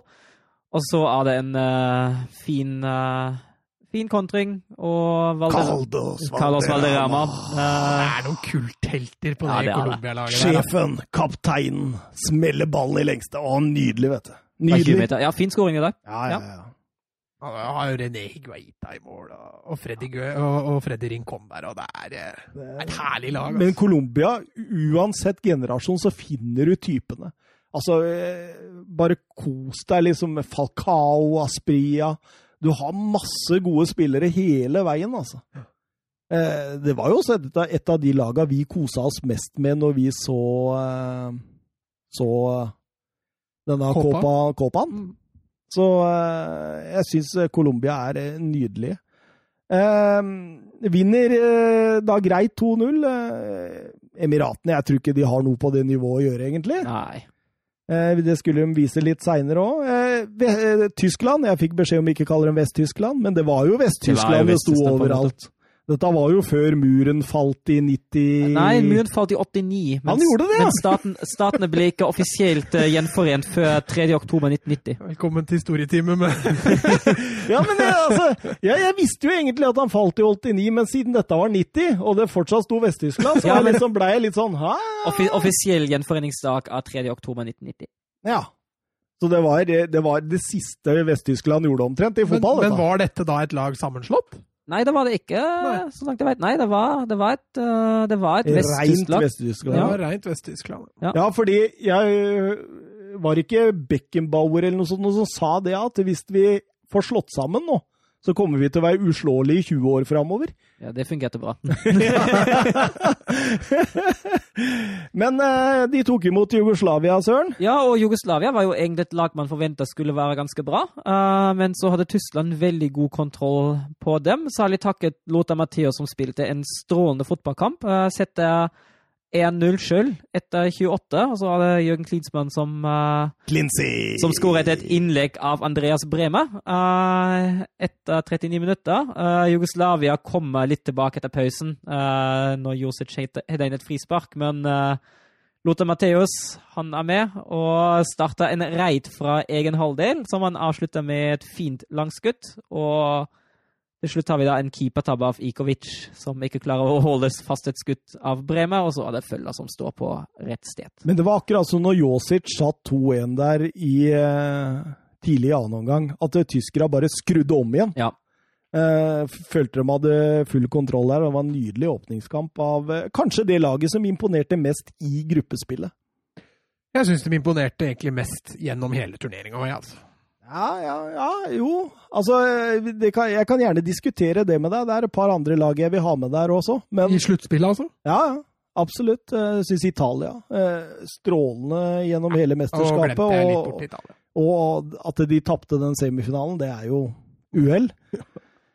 Jeg syns også Ja, England var bra. Eh, var Men, men vi, skal ikke, vi skal ikke begynne der enda. Men den benken da til eh, Tyskland der, der er det mye snacks, altså. Ja. Altså Andy, Føller, nei, Andy Møller, som, mm. uh, som, etter hvert skulle bli jævlig bra. da. Uh, Cupcake-keeper uh, og ikke minst Olaf Thon. Ja. han skåra vel, på, jo det borti gata her, han. Vel på straffespark i finalen òg, men Det er nydelig, altså. Olaf Thon. Hvem er dette for en, Søren? Olaf Thon? Olaf Thon, uh, det er en uh, han, han, er vel mest kjent for sin tid i Sjalke, uh, og har blitt litt av en litt av en kultfigur der, og er nå mest påfallende i Tyskland gjennom litt sånn, ja, egentlig litt ukvalifiserte meninger i media. mye rart en mann mener, men var en, var en brukbar midtbanespiller på sin tid. Ja, en brukbar midtbanespiller i sin uh, tid, det var altså Dragan Stojkovic. Og han eh, førte sitt Jugoslavia mot eh, Colombia, 25-åringen. Som Var han ikke kaptein også? Jo. Nummer ti kaptein, han var hele pakka, og for en spiller! Det er en av de kuleste spillerne i dette VM-et. Jugoslavia som fikk deng av Tyskland, skulle jo snu kjerringa, sånn som Jan Fall sa i sin tid. Ja. Um, De skulle hjem og snu kjerringa. Ja, absolutt. Eh, og, og dette jugoslavske laget da, med Katanec, som vi kjenner også som uh, trener i seinere tid, uh, de åpna kampen bra og eide tidvis uh, kampen uten å få dytta ballen over mål. Det er gamle storheter på dette Jugoslavia-laget, eller som da var unge, da. Davor Zucker, som senere skulle slå gjennom for på Kroatia når Jugoslavia ble oppløst. Uh, Alen Boksic uh, var jo også ja, ja, ja. ung, lovende spiss på den tida. og Dejan Savicic, som slo gjennom i Milan en sin tid, uh, kjenner vel sikkert de fleste til. Og Robert Jarnis. Det var, det var mye spenstig på dette Jugoslavia-laget. Altså. Ja, absolutt. Men, men, var det denne Socis, Josic som skårte målet i denne kampen, var det ikke det? Jo, yep, stemmer. Mm. Jeg ler av Higuita, altså. Jeg, jeg, jeg, må bare le denne kampen her. Altså, det, det bevegelsen og uttrykkene hans. Og han redder jo en straffespark også i denne kampen. Ja. her. Så han er jo mer enn en, en klovn. eh, Kanskje litt mer habil, jeg veit ikke. Men han er en Han bra er en type. habil Han klovn, er det det du skulle fram En til? habil klovn. Er en habil klovn. Svært habil klovn. Men uh, Jugoslavia vinner 1-0, eh, og eh, det, det, det måtte de ha nå etter eh, tapet mot uh, Tyskland. Eh, vi går videre da til uh, Tysklands kamp mot Emiratene, og det, det, Ja, det er jo det er Fort fortalt historie var jo klart best å vinne 5-1, så ball i hatt. Ja. ja. Eh, Emiratene ikke på høyde i det hele tatt. Eh, fikk litt mer kamp inn i sin neste kamp, Søren, mot Colombia. Ja, det var det. Becken, Ja Beckenbauer Beckenbauer gikk vel ut etterpå. Han lider nå, Ja. år Han sliter nå! Beckenbauer gikk vel ut etterpå og sa at uh, man hadde allerede nådd målet og vunnet gruppa før den kampen. uh, og da falt spenninga litt. Uh, det var ikke det Tysklands beste kamp i turneringa. Uh, skaper ikke sånn voldsomt mye, um, egentlig. Colombia er, er på høyden. Um, Nå skal det sies da, Søren, at Colombia fikk ganske sterk kritikk i denne kampen for at de ikke ville spille fotball. ja, de de, ville ikke være med på moroa, rett og slett, og bare la seg tilbake og, og skulle Hvorfor forsvare seg. de trengte jo bare ett poeng. Ja, det var akkurat det jeg skulle fram til. Det var- det var det de trengte. Så når Tyskland fikk det seine målet de gjorde, da, så tenkte man jo at da var jo Colombia ute, men, eh, men eh, Så Men så jo tar Carlos Valderama fram taktstokken og svinger Colombia-musikken framover i banen der. ja, Valderama har jo El Capitano, ass! ah, Valderama har jo tidligere i den kampen Han eh, var i en duell med Augenthaler, og så ligger han og ligger han og ligger han på banen. Og så kommer det til slutt folk og bærer han av banen, og så hopper han inn i en sprett og Men dette målet her, liksom, hvor han liksom han mottar ballen feilvendt, og han vender av en tysker på midtbanen der, setter sammen en trekant sammen med Rincon og Estrada, er det vel, tror jeg, og får ballen tilbake og tre Rincon igjennom som er aleine mot Ilgner, og setter den. Det det, det er et nydelig Altså, å gjøre det på dette tidspunktet Du, du, du, du sender laget ditt videre! Ja, Jeg gjør det! Carlos Valderama, vær så god! Vær så god, takk skal du ha. Det var nydelig satt opp, og han dikterte den skåringa på, på nydelig vis. Men det var også interessant å se Colombia, hvordan de også bare skrudde opp. Mm. Akkurat når de slapp inn. De ville jo ikke, det er som Søren sier, de hadde jo ikke lyst til å spille fotball. Bare bli ferdig med matchen. Ja. 0-0. Eh, Men så fort Tyskland fikk goalen sin, så bare Valderama. Han tok, eh, tok ansvar. Det var deilig. Det var deilig å se på. Sorry, Søren. Det jo fint. Jugoslavia, Emiratene 4-1. Eh, Ja, eh, største kasteballen kan vi jo si om Emiratene i dette VM-et, da. Ja. Og Jugoslavia fikk jo ingen problem med å slå debutantlandet fra den fjerne østen. En purung eh, Robert eh, Prosjneski, eh, som vi får se senere både i Real Madrid og Barcelona, Sevilla og ikke minst Portsmouth. Eh, kom jo inn der, fikk et innhopp de siste tolv og satt 4-1 og spikeren i kista. Eh, det var eh, det Altså, Tyskland da vant jo greit, fem poeng. Eh, Jugoslavia ble nummer to med fire, mens Colombia tar seg videre som en av eh, de beste treera. Emiratene, de Bye, bye. ja, ciao. Vi går videre til gruppe E. Spania eh, som klare gruppefavoritt foran eh, Belgia, eh, Uruguay og Sør-Korea. Det var Belgia og Sør-Korea som åpna ballet med Enzo Schifo. En nydelig spiller, forresten. Ja, spilte sterkt i dette mesterskapet. Han var bra, han. Han var bra, han. Og så husker jo jeg veldig godt eh, Michel Prodom, keeperen, med det der enorme manken. Han var fin, han. Ja, han var nydelig. Eh, Belgia er store favoritter, og til tider kjører de også ball i hatt med Sør-Korea. Eh, når lagene går til hvilen, er det jo utrolig nok 0-0. Eh, Belgia med ekstremt mange store sjanser, blant annet et stolpeskudd. Eh, men, men det løsner etter hvert. Enzo Schifo eh, tar tak i midten der, og sammen med Mark de Gryse som eh, Den lobben hans er jo ti meter oppe i lufta. Altså, kan det kalles lobb? Ja, jeg veit ikke, ass. Det ser jo ut som en klarering, egentlig. Og, og, må, men det er jo nydelig utført. Ja, ja. Lander akkurat der den skal. den.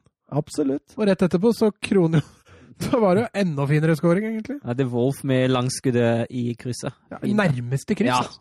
Da, er det, da går det fort, altså. Eh, Belgia vinner da 2-0, og eh, den neste kampen i gruppa var Uruguay mot Spania. Det var eh, 0-0, det. Var ikke så mye å ta med seg videre der, egentlig. Straffebom. En straffebom, ja, stemmer det. Ja. Romsåsa, 87 minutter, setter et straffe overmål. Stemmer det. På Subisareta. Mm, gode, gamle. Gode gamle. Gode gamle, men eh, ett poeng til hvert av lagene der, og Belgia grusa Uruguay 3-1 i den neste kampen. Og det til tross for at de spilte over en omgang med en av mindre, etter at Gerritz ble utvist eh, etter 42. Det Men her var eh, tilbake òg. Jan Koilemans. Kaptein og, og Klubb Rygge-legende. Eh, fikk hvile mot eh, Sør-Korea, men var eh, inne i denne kampen og var helt avgjørende, rett og slett. Eh, Belgia tar jo tidlig ledelsen. Eh, Lei Kleister som eh, møter et innlegg på bakerste og header kontrollert inn 1-0 bak Alves i Uruguay-målet. Og kun ti minutter etterpå er Enzo Schifo sin tur. Eh, Auxerre-spilleren sender av gårde en markrype fra 30-35 meter, og den sniker seg inn i hjørnet på Alves, som burde vel ha rekkevidde nok til å ta den, tenker jeg. Ja, jeg er helt enig. Det er kanskje ikke en keepertabbe, men eh, svak keeperspill, i hvert fall. Mm. Og det var før halvtimen var spilt, og da Uruguay visste vel ikke helt hva som traff dem, tror jeg. Nei, kampen føltes over, egentlig. Ja, han gjorde det. Eh, som eh, Søren var inne på, Erik Gerets, da blir jo utvist, og det blir litt roligere utover. Men eh, grei 3-1-seier til eh, Belgia etter at Jan Koilemans ordner det 3-0 i annen omgang. Eh, husker ikke helt hvem som skårer 3-1-skåringen til Uruguay. Er det noen som kan hjelpe meg? Bengeo Chea. Bengo Shea. Bengochea. Ja. Sør-Korea-Spania 1-3. Eh, Sør-Korea kunne minne litt om kasteball, altså. Ja, eh, de har jo null og niks å varte opp med, og Spania leder jo kun 1-0 etter eh, 23. Så kommer jo det herlige, herlige frisparket et, rett før pausen, da. Ut av ingenting er Sør-Korea tilbake. Bo Kwan Ja, får kjempetreff. Som Ja. en bryggesjauer, altså. Ja. Vi så ikke ut som det var så mye muskler i det beina hans, men uh, gud bedre han treffer, altså. Han gjør det. Han gjør det. Men dette var Michel sin kamp. Ja, men han sørkoreanske keeperen, var ikke han veldig liten? jo, han var det noen som stussa på det, eller? Ja. Rekkevidden hans var jo nada. ja, nei, da, han var ikke store karen, nei. Det skal jeg være helt sikkert. Var ikke stor større enn en Laban, men uh... Ja, litt større enn en Laban, men uh, nei, nei, stussa på det. da Jeg så kampen, at han var fryktelig liten. Altså. Men Michel eh, skårer ved hat trick. Det er vel VMs første hat trick av Yes. to. Og eh, grei seier til Spania. Og Ja, den ene goalen der er jo vakker når han får innlegget på bakerste, han legger den tilbake igjen i hjørnet hvor ballen kommer fra på første touch. Der er en eh, meget godt utført skåring. Altså. Og da er det toppkamp i gruppe E. Eh, Belgia mot eh, Spania. Eh, Belgia noe skadeplaget inn i oppgjøret, bl.a. Lei Klechters, eh, Stelens og Gryn eh, ute med skader, samt suspensjon for Geretz. Eh, dette preger nok Belgia en del også. Ja, må gjøre tidlig bytte der òg, hvis ikke jeg husker rett feil. der. Emmers må jo ut etter en halvtimes spill eller noe sånt. Eh, De må gjøre litt forandringer der. Mm. Eh, Barcelona-angriper Salinas blir lagt i bakken etter rundt 25 minutter, og straffen eksploderer Michel i mål til sitt fjerde, som var også det han endte opp på, så vidt jeg husker. Mm, stemmer. Eh, eh, ja, eh, Belgia svarer jo kun minutter seinere, da. Eh, Fairfort eh, fra Bordeaux, midtbanespilleren, klinker jo inn frispark via muren. Ja, Litt heldig der. Subisareta på vei feil vei. Zubizarreta det det, det er noe som klinger med Zubizarreta. Navnet, eller Ja, men altså selve altså, Man får sånne bilder da, Ja. i hodet, liksom. Eh, Nydelig sånn keeperdrakt og den litt sånn skalla mannen. Og, Han hadde rekkevidde, i hvert fall. han hadde rekkevidde, og han var svær. Han var ganske svær. Lange armer. Um, men han blir nok litt lurt på det til frisparket der når han går innom muren her. Men uh, minutter seinere så kommer jo uh, Real Sociedad-legenden Goritz. Uh, setter inn en dødball. Og lagene går til pause med Spania-ledelse, som også blir et sluttresultat. Spania kontrollerer greit inn poengene der. Men uh, Ski får bomma på et straffe. Setter han i tverrliggeren. Stemmer det, stemmer det! Det. Ja, ja, ja. Ja, ja, ja. 2-2 der. Det var flere som bomma på straffespark for Spania. Mot Spania. Mm. Eh, siste kampen da er Sør-Korea mot Uruguay. Uruguay fikk sin, eh, et, sin etterlengta seier. Den Eh, måtte de ha for å gå videre. Ja, stemmer det, for det var denne kampen der som det, det varte og rakk og varte og rakk, og de fikk ikke det ene Ja. målet de behøvde for å være en av bestetreere. Jepp. Og så ble Sør-Korea fikk jo fikk en spiller utvist, John Deuk-Jo, som ble, fikk marsjordre etter 70 minutter. Så i siste 20 spilte i overtall. Og så var det 20 år gamle Fonseca som uh, ved noe av det siste i, som skjedde i kampen, sikret Uruguay arrangement. Var det han som dro til Juve? Ja, ja. Ja, Napoli og Roma og Juve Fonseca. altså. Ja da, ja da. Trappa ned i River Plate før vi ikke hørte noe mer fra han. Mm. Eh, Spania var- vinner da gruppa ganske greit foran Belgia. Uruguay videre som bestetreer, og Sør-Korea Shao. eh, Null poeng og tre strake tap. Og så er det det som Søren kalte for gruppe U. For uavgjort. For uavgjort, ja, egentlig gruppe F.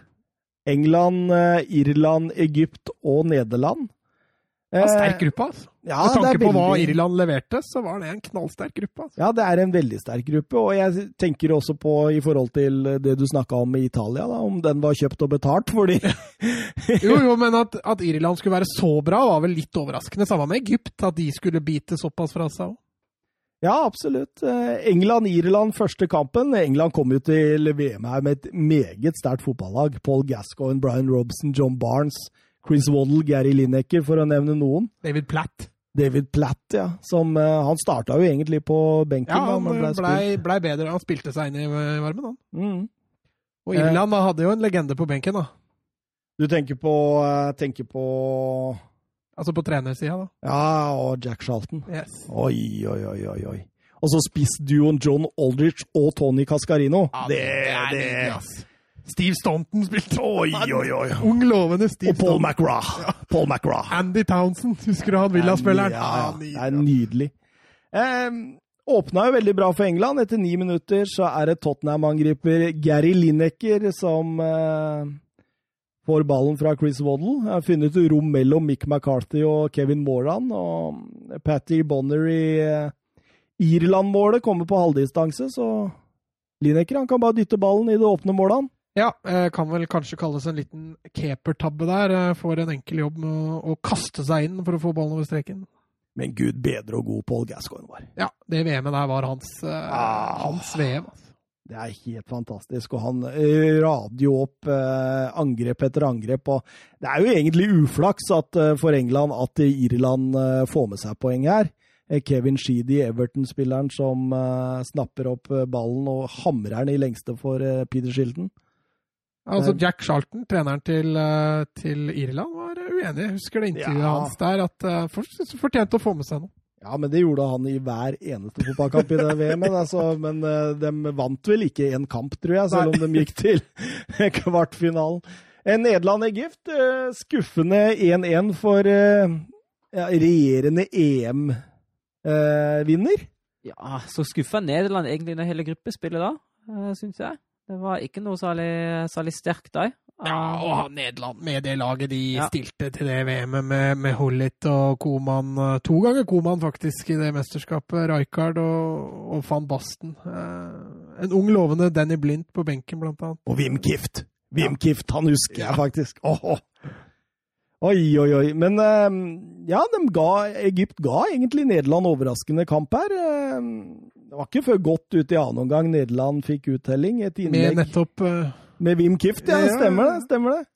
PSV-spilleren hadde jo bare vært på banen i tolv minutter han, da når han uh, satte inn det målet.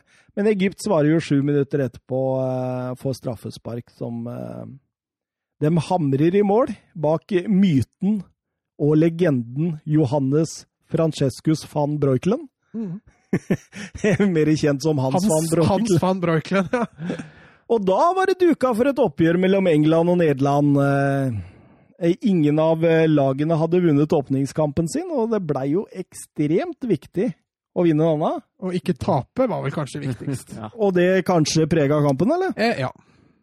Det gjorde det, altså. Men uh, Gary Lineker hadde vel også tidenes mulighet til å avgjøre det mot slutten der, hvor han blåser den både utenfor Altså, jeg tror de leiter etter ballen uh, på stadion Sant Elia i Cagliari enda, altså. Men uh, stort sett England best. Nederland skuffa nok en gang. 0-0, ja. Jeg veit ikke om England var så fornøyd. Eh, Nederland var nok fornøyd med at de klarte å, å ro det i land og holde liv i håpet om eh, videre avansement. Mm. Ja, og dette fortsatte jo. Irland-Egypt 0-0. Vi eh, sier ikke så mye om den. Eh, det var jo også en veldig kjedelig kamp, etter eh, hva jeg har lest. England eh, da med eneste seieren i gruppe F, ja. 1-0 mot Egypt? England var eneste laget som vant, og Egypt var eneste laget som tapte. Mm. Mark Wright. Gode, gamle. Header inn mål. Jeg meldte jo overgang året etter VM til Liverpool, der han fikk 160 kamper på Anfield. Ja. Eh, England tar seg videre uten å imponere sånn voldsomt. Og eh, siste kampen i grupp, den gruppa er Irland mot Nederland. Mm. Med Nile Quinn på topp. Ja. Sunderland? Ja, ja. Og, og City og Nile Queen var ung han på denne tida. Ja, han var... jeg husker jo liksom Nile Queen som litt eldre. Ja, ja, ja. Har ikke han alltid vært gammel? han har alltid vært gammel, han tenkte jeg også. Det er jo han som skårer for Irland. Ja, det er jo det. Etter at van Brøykelen glipper noe fryktelig der. Ja, nok en sånn keeperglipp. Det var en del av de. Det var en del av de. Ja. Men uh, ja, det er jo, det er jo uh, Nederland som tar ledelsen her tidlig ved Rullit etter ti minutter. Fin, uh, fin sammenspill der. Fin 1-2-kombinasjon. Ja, stemmer det med Hans Gillhaus, ja. ja. Og så setter han den godt fra noe Scott Holt i lengste. Så holdt det ikke inn likevel. Men det er klart det, når du møter disse fyrtårna, Cascarino og Nile Quinn på topp der, så er det jo Det er tungt å forsvare seg over 90 minutter når de poler disse ballene, altså. Ja, de fikk mye å jobbe med òg. De gjorde det. Eh, resultatet i gruppe U da, det var at England eh, vant den med fire poeng. Irland eh, nummer to med tre. Eh, Nederland eh, nummer tre med tre. Og der ble det loddtrekning. Og der ble det vel loddtrekning, ja. Og Nederland ble da nummer tre. nummer tre, som ga dem en litt vanskeligere vei ja. videre. For nå er det jo sånn at vi drar oss ut av gruppespillet og inn mot uh, åttendedelsfinalene. Og uh, da begynte det jo virkelig å bli spennende. Da fikk vi jo en god del sånne gode oppgjør. Altså, ja, da begynte jo storlaga virkelig å møte hverandre. Uh, hadde jo hatt noen store kamper først også, men nå, nå ble det jo litt viktigere ting å spille om. Vinn eller forsvinn. Vinn, vinn eller forsvinn, ja. Kamerun-Colombia var den første. Mm. Roger Mylla mot René Higuita. En, uh... Ja, for der kommer jo den historiske. Den når eh, Higuita skal prøve å, å drible Milla som bakerste ja. mann. Og så er han jo gått langt nærmere midtbanen enn egen 16-meter i tillegg, så han er langt ute på banen. Og skal det jo nevnes at dette er eh, Det, har jo vært, det ble 0-0 til ordinær tid, så det gikk jo til ekstraomganger. Og der var det Roger Milla time, altså. Skårer to mål på to minutter der. der. Men vi har forståelse av at han ble kalt El Loco? Ja, ja Higuita, ja. ja, ja, ja. Hadde han ikke en sånn kidnappingssak med, med, Det var ikke med Pablo Escobar og hele pakka òg? Det er mye der. Og så hadde han jo den uh, skorpionsparkredningen mot, mot England, England, tror jeg. Ja. Og så har han, uh, har han, vel deltatt på noen sånne forskjellige reality-TV-programmer etter en karriere. Lot seg uh, Gikk sånn på sånn beauty-operasjoner og, og, hele pakka, og ja, ble fulgt av kamerateam der. Og og, og, gikk jo glipp av VM i 94 fordi han satt inne. Ja. det er så ærlig, altså. eh, Milla, den store helten, kan man si det sånn. Skåret jo både 1-0 og 2-0 i ekstraomgangene der. Ja, og presidenten av Kamerun fikk rett. Han bør være med. Han bør være med, men han fikk aldri starte. Nei. eh, ja, det var vel det siste vi så til uh, Colombia. Uh, de reduserer jo uh, fire minutter før slutt med Redin der, men Veldig fint samspill med Valderama på den skåringa. Ja, Valderama var nydelig, altså. Ja, fantastisk. Mm. men Kamerun vinner da 2-1 og er det første afrikanske landet gjennom tidene som kvalifiserer seg til en kvartfinale. I et VM. I et VM. I et VM. Ikke et EM. Der venter vi fortsatt på det første afrikanske. Men i Afrikamesterskapet, Ja, der er det jo stadig vekk, stadig vekk i kvartfinale. Eh, litt grå neste kamp, eller? Tsjekkoslovakia mot eh, Costa Rica? Ja, da tenker du på navnet? Ja, jeg tenker Ja. liksom på i forhold til hva vi hadde i vente. Mm. Blei spilt på Sant Nicola i Bari, eh, Bari og eh, Thomas Shoravi var jo eh, on fire. Så må jeg le litt av den uh, 3-1-skåringa der. Det er det frisparket som Kobik setter kvarter før slutt. Det er jo, han, uh, Tsjekkiske spilleren blir felt, og så snapper en lagkamerat opp ballen og går én mot én med keeperen, men blir avblåst. En soleklar fordel blir, blir avblåst der, men uh, Kobik svarer ved å sette frisparket, så da var vel alt greit likevel. Alt var greit, og det var enkelt uh, til slutt. Jeg tror uh, mye av lufta hadde gått ut av Costa Rica på denne tida. Og Tsjekkoslovakia var et, faktisk en ganske godt fotballag. Eh, lot meg virkelig imponere av denne Lubos Kubik, eh, som var en enorm dynamo på midten der, og Shuravi på topp. Og dem God kontroll! Vi seiler bare videre til Brasil, Argentina. Og dette er vel kanskje en av de mest ufortjente seira jeg har sett gjennom fotballhistorien. Ja, VM-historien, den, eh, den er lang. Eh, Jeg har ikke sett alle kampene, men eh, første 20 minutt, halvtimen her Brasil kjører fullstendig over Argentina, altså. Det smeller i metallet rundt rundt Gorgochea der. Nei, Det er helt utrolig at Brasil ikke skårer både én og to og tre mål i løpet av første omgang. Altså. Ja, absolutt. Og Gorgochea var jo bra. Han var bra i Ja, han var klasse. Det var nydelig. Eh, jeg, jeg, bare tenker på den Maradona-situasjonen som vi snakka om. Fordi nå hadde han jo vært helt borte. Og så er det liksom 15 sekunders magi, Mm. så avgjør han alt. Mm. Er ikke det litt sånn typisk disse spillere? Jo. Det er litt sånn Messi òg kan, kan være. Men han, han, altså det er som du sier, han spiller for et lag som er veldig avhengig av at Maradona skal levere. Eh, nå har de tur, og de er dyktige defensivt eh, mot Brasil. Eh, og så har de en Maradona som tryller ti minutter før slutt der. En Canigia som også gjør det bra. En herlig bevegelse. Som frigjør seg sjøl og dribler keeper og, setter 1-0. Men, Men, men, men jeg, jeg ønsker at dere drar hjem, og så ser dere på det en gang til. Og så sett på stillbildet akkurat idet Maradona slår pasningen til Caniggia. Så ser du hvor alene Caniggia er, og hvor mange Brasil-spillere som Ja. er på Maradona. men dette, Det, det står fire stykker på to kvadratmeter, altså! ja, ja, men Og, det var, og det sier jo litt, ikke sant? Ja, det var det jeg skulle fram til. Men det, den bevegelsen Caniggia gjør der, det er den som er så bra, for han beveger seg på tvers. Mens alle Brasil-spillere følger Maradona. Absolutt. Og det at Maradona da har overblikk og Han har litt tur der òg, for det er en brasilianer som bommer på ballen når han skal snappe den opp der. Men han går fram til Caniggia, som da er aleine med keeper, og det er eh, Altså, det er, eh, det er litt Messi. Jeg er helt enig. Men tror du Kareka og Dungarem eh, hadde en tung kveld, eller? Ja. Det var mye, altså. Jeg tror de følte at det fløyt bra i starten, med unntak av at de skåra mål, fordi de høvla jo over dette Argentina-laget som Det er mye tur, altså. Ja, og det er jo, som jeg var inne på tidligere, det er tredje VM på rad hvor Brasil holder som en av de aller, aller største favorittene, men ryker ut tidlig. Og Sebastiano Las, eh, Lazzaroni, han eh, brasilianske treneren, han sa det Dette er fotball. Noen ganger gjør den oss virkelig ulykkelig.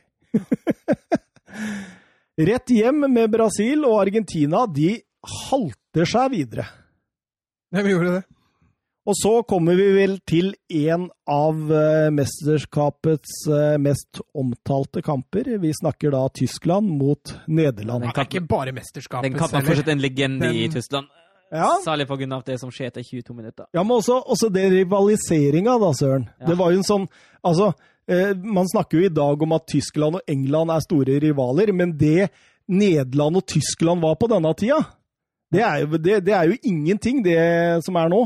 Nei, nei, det var jo da det kom opp. Det begynte jo, altså det begynte litt i VM i 74, da Tyskland slo Nederland 2-1 i finalen. Men så var det litt stille. Men så var det denne kampen 88 i EM, da Tyskland og Nederland møttes i semifinalen. Uh, og da begynte det å blomstre litt opp. Uh, det var vel godeste Olaf Thon, som vi har vært inne på, som uh, bytta trøye med van Basten, og da later som at han tørka seg i rumpa med den trøya etter at Tyskland røyk mot Nederland i seriefinalen. Uh, og da begynte det litt, men den kampen som virkelig fikk uh, den rivaliteten til å kulminere, det var akkurat den der. Ja, men også, også tenker jeg også at alt uh, I VM i Nei, EM i 88, når Nederland gikk til topps, så, så fei, ferje, feira Ferja. Så feira jo nederlendere med å løfte syklene sine opp i lufta, som var en hilsen til Tyskland og, og naziregimet der, som tok fra nederlendere eh, alle syklene og sånt i 1940. Ja, ja. Så det var jo en sånn eh, Og jeg, jeg leste jeg, jeg, måtte begynne å lese meg litt opp på det der greiene der. Og det var, det var ganske sånn stort hat fra Nederland, i hvert fall mot tyskere. Ja. Og, og det kunne du nesten se i denne kampen nå. At det, det var liksom sånn Det var så betent fra starten av. Mm. Det, det virker vi Altså Og det er liksom hele opplegget der, da. Altså, jeg så Hans van Breukelen sa vel også etter semien i 88 at jeg er glad for å kunne gi denne gaven til generasjonen over meg, som faktisk var gamle nok til å oppleve krigen. ikke sant? Ja. Så alt dette her, dette kuliminerte jo også å være Frans Beckenauer mot Leo Benacker på sidelinja, Bodo Ilgner mot Breukelen. Jørgen Klinsmann, eh, liksom, ikke sant? Kohler mot, uh, mot Kåman. Det var jo stjernespillere i øst og vest, ikke sant? Og det er jo en sånn kamp som bare får eh, Altså, enhver fotballentusiast får jo vann i munnen av å se en sånn kamp med en sånn historie bak og en sånn eh, oppbygning som det var her. Ja. Og så var det en god kamp òg. Ja, ja. Men så kommer vi jo til Er det 20. minutt eller Ja. sånt, nå, hvor Rudi følger og Frank Raja begynner? Ja, altså det begynner jo etter 20. Da blir vel uh, følga felt av Reikard. Og så får Reikard gullkort, så begynner Følge å klage på seg et gullkort. og så er påfølgende fri. Jeg blir vel dratt i øret der uh, av Ja, Reikard han, Følge. blir, han blir revet i øret Ja, av ja. Um, og det, da klager Følge til dommeren, uh, som for øvrig var kjempesvak i den fotballkampen. Uh, jeg tror den svakeste dømming jeg har sett i, uh, i dette mesterskapet. Um, og Gida følger Følge gult. Altså er det påfølgende frisparket. Uh, da er det en situasjon at keeperen snapper opp ballen. Følge hopper forbi keeper. Og så kommer Reikard og spytter på Følge. Uh, Velkjent. Den er velkjent. og så får begge to rødt kort, og idet de går av banen, spytter Reikard på Følge en gang til. Det er helt vilt, det greiene De bildene der, dem har gått så mange ganger at Ja. det, det er Men, men, men, men sånn jeg forstår det, da, så er det altså hele situasjonen det er jo det at eh, Rijkaard feller følger. På gult kort, blir forbanna. Går forbi følger og spytter på han. Følger blir forbanna, går til dommeren, får gult kort for klage. Og så kommer dette frisparket, hvor eh, Vøller kolliderer med Hans van Breukelen. Og, og insinuerer at han burde hatt et straffespark, liksom å holde seg litt på Ja, ja. beina og sånt. Og da kommer Rijkaard, som har spytta på han for ett minutt siden, og drar han i øret! Og forteller han at «Øh, 'nå, gutt, nå roer du deg ned', liksom. Og da kommer jo selvfølgelig en reaksjon fra uh, Rudi Føller. Mm. Han hopper jo opp, og, og havner i en krangel plutselig med, med Hans van Breukelen. Som Og da kommer eh, Jørgen Klinsmann inn og skal skille disse. Men da tryner Rudi Føller! Og da, jeg, jeg tror dommeren tenker Vet du hva, dette gidder jeg ikke mer! Dette her, det, Jeg orker ikke! Det var, det var et billig rødt kort på følger, i hvert fall. Ja, han burde jo ikke hatt rødt. Han burde jo knapt nok ha gult. Altså, altså at, at du får lov å klage litt etter å ha fått den spytteklysa i håret, det må du da få lov til! Og så, altså, så tenker jeg på Rijkaard, da, som burde vært utvist etter den spytteklysa. Ja. Så kommer du og drar den i øret i tillegg. Hadde ikke det skjedd at Wøller hadde falt, så tror jeg faktisk ikke at uh, Rijkaard hadde fått uh, rødt i det hele tatt. Men han spytter jo på den igjen, som Ja. Sier, på vei ut der. Det er, er så ufyselig. det Men Hadde det vært VAR, hva hadde VAR gjort der, da? Er det rødt kort for å spytte på motspiller? Kort, ja. Er det? Det er, Ja. det er soleklart rødt kort òg. Ja. Og må jo sies for for sportslige, uh, syns jeg Nederland spiller en eh, bra kamp i første omgang. Ja, egentlig det beste laget skaper flest muligheter. Tyskland er litt, eh, er litt svake, både før og etter den utvisningen av Følla.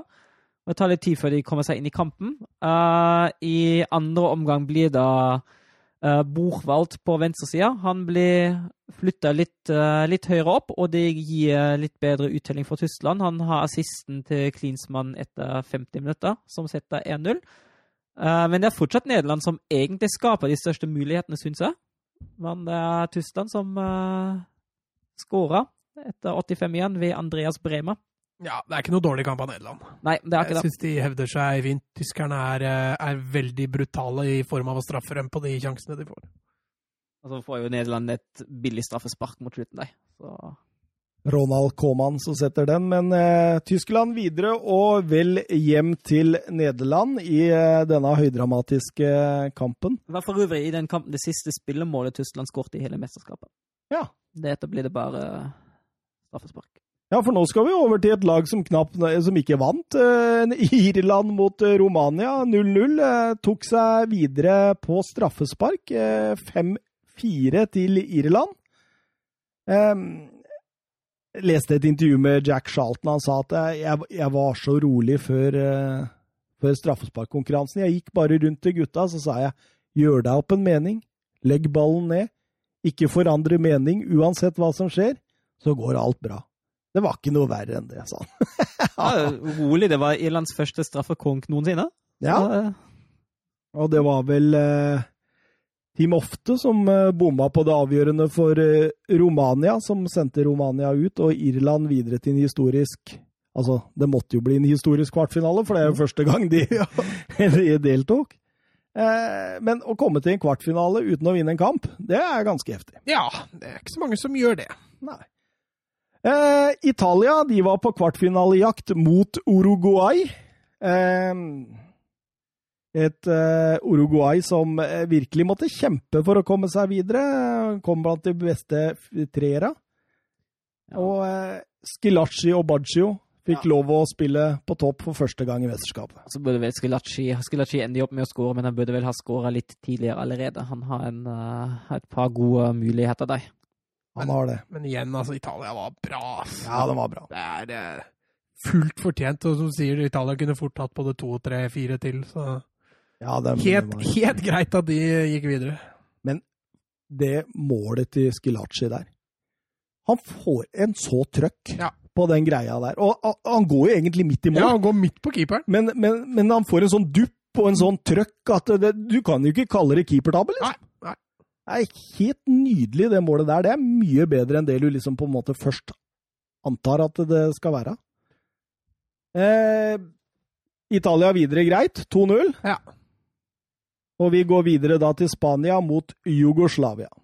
Eh, Spanias og VMs da foreløpige toppskårer, Michel, eh, skulle opp mot eh, Jugoslavia på, i Verona. Og eh, det var ikke Michelle som skulle stjele overskriftene her. Det var eh, den røde stjerneplaymakeren Dragan Stojkovic. Ja, det ene goalen der er, eh, det er pur klasse. Altså. Ja. Den eh, høye innlegget hvor han venter ut forsvarsspilleren og demper skuddfinte, demper bort stopperen der og triller Ja, det er, det er så klasse. altså. Kunne vært et av året, nei, VMs mål, det òg. Ja, det blei i toppen der. Hvis jeg husker jeg så topp ti-lista, den, den var med. Det er fotballgodteri. Det er fotballgodteri, absolutt. Eh, og så har man jo også et eh, frisparkmål i denne kampen, eh, hvor han eh, steller seg opp. Eh, er, er det, det er vel i annen ekstra, det er første ekstraomgang, det? Ja, det stemmer. Ja, helt i starten. Ja, fordi Spania eh, skårer jo etter hvert 1-1. Ja. Ved Rafael Vasques, er det vel? Som, Det kom seine mål i den matchen der. Ja, det gjorde det. Det gjorde det, stemmer det. Første kom vel i 77 minutter, og så var det rett etterpå, og så ble det ekstraomganger. Stemmer, stemmer. Som uh, Stojkovic uh, setter uh, han, han puffer jo egentlig ballen i hjørnet. Det er litt sånn Beckham-frispark. Spania klarer aldri helt å svare. Sliter med sånn go godt og kompakt Jugoslavia. Må dra tilbake til spanske høysletter, rett og slett. Ja, Spania har jo til da ikke lykkes veldig godt i sluttspill, og gjør det heller ikke, gjør det heller ikke nå. Jugoslavia viser, eh, viser klasse og har en Dragan i slag, altså. Og så kommer vi da til siste kamp i eh, åttendedelsfinalen. England mot Belgia, søren. Ja, det er ekstraomganger igjen. 0-0. Jeg syns jo egentlig Belgia er, er nære til å skåre. Er vel Kolemann som treffer, treffer stolpen, blant annet. Men igjen, det er Paul Gascoigne som, Ja. eh, som styrer dette her, altså. Fantastisk, altså. Tidvis lekestue, og, og er jo den som på en måte produserer aller meste for England hele veien, egentlig.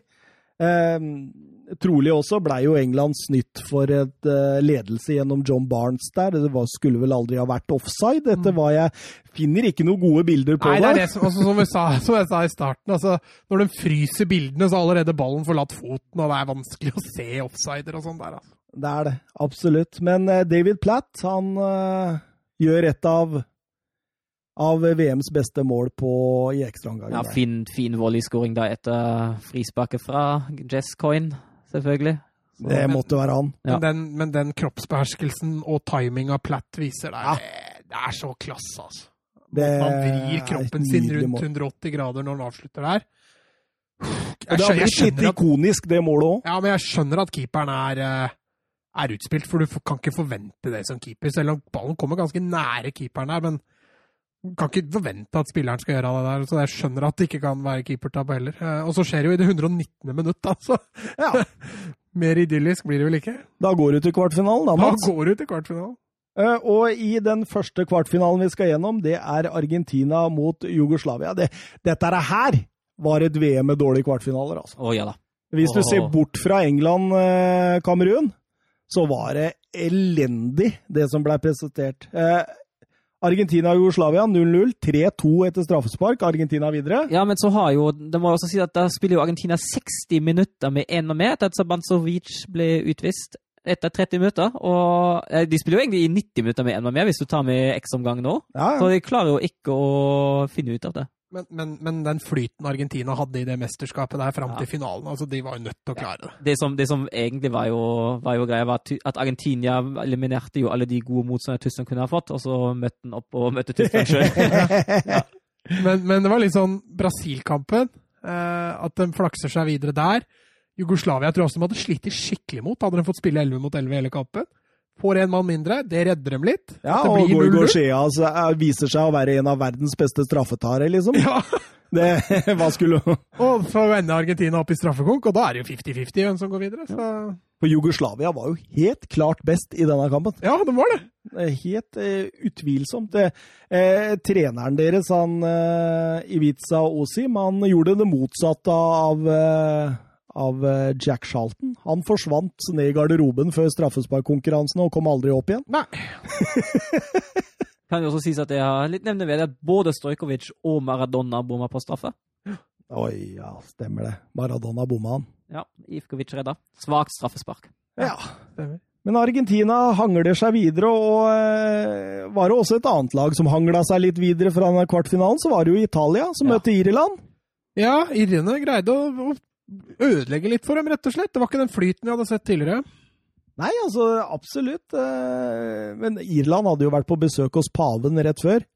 Denne kampen ble jo spilt i Roma, og da dro jo katolikkene rett til paven. Ja, ja, ikke sant? Og det, det må jo. Men det, det hjalp ikke, da. For Totor Skilacci han eh, var jo i en enorm form. Ja, han hadde nå spilt seg til plassen på laget og fikk starte sin andre kamp på rad, og det Et, ja, Står på rett sted etter en ny retur av, uh, Bonner, ja. ja. Ja, Donna Doni der som skyter, og det er dårlig retur av Bonner Ja. der, og Toto Skilacci eh, er på den.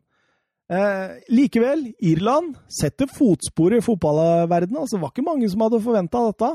Nei, men det er som du sier, da. De spilte en kvartfinale uten å ha vunnet en eneste kamp, så, så de hadde flyt, dem òg. Eh, men det er som du sier, det var, var noe sjarmerende med dette Irland.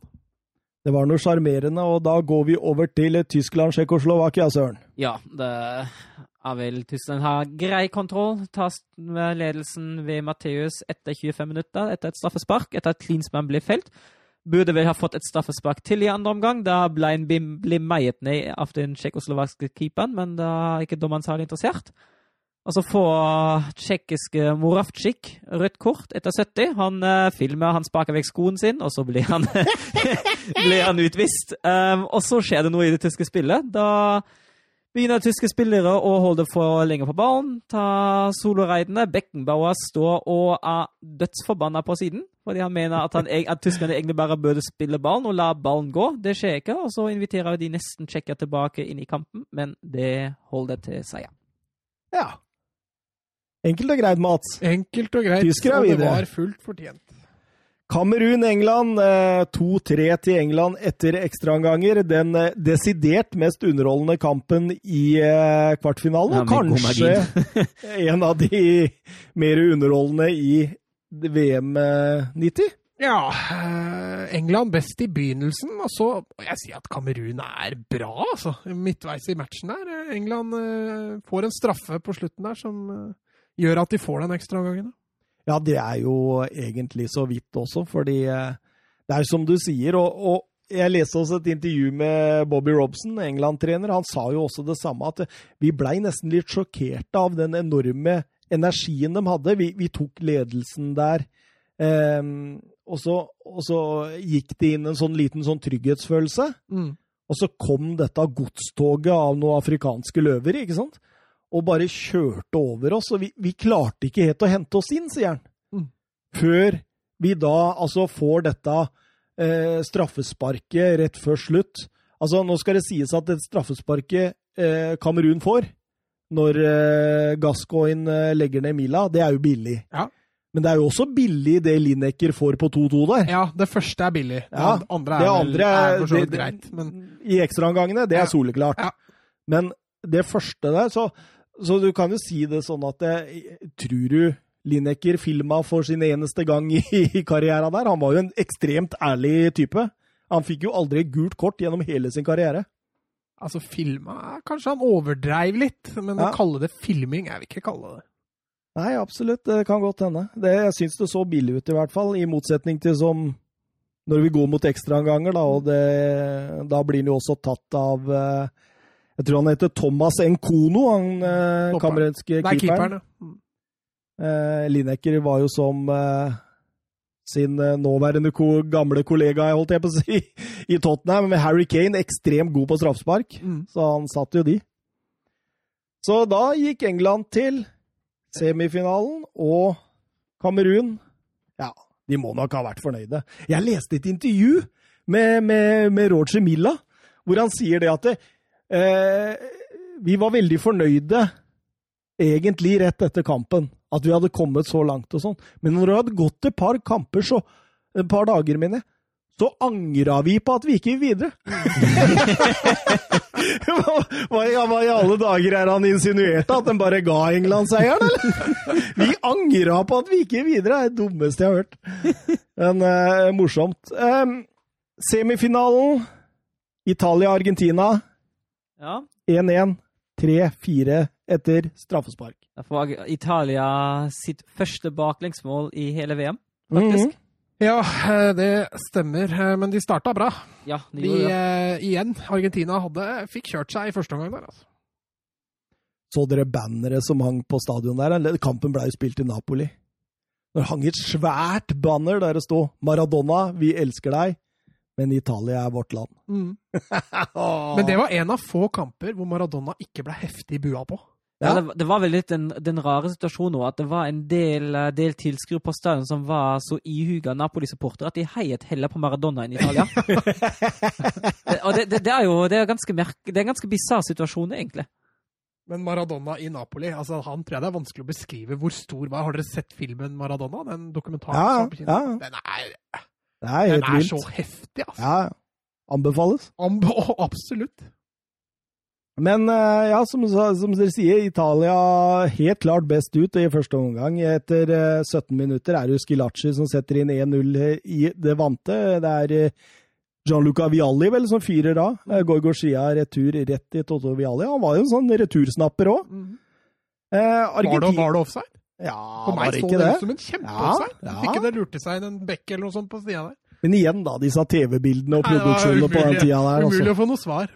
Og NRK de hadde jo også streik, så det var jo, sendte jo halve kampene uten kommentatorer og sånn. Men, men det var ikke, på YouTube var det ikke mulig å finne norske kommentatorer. Nei, nei, nei. det var ikke- enten, eh, enten spanske eller portugisiske eller tyske, eller det var ikke så mange engelsk heller, faktisk.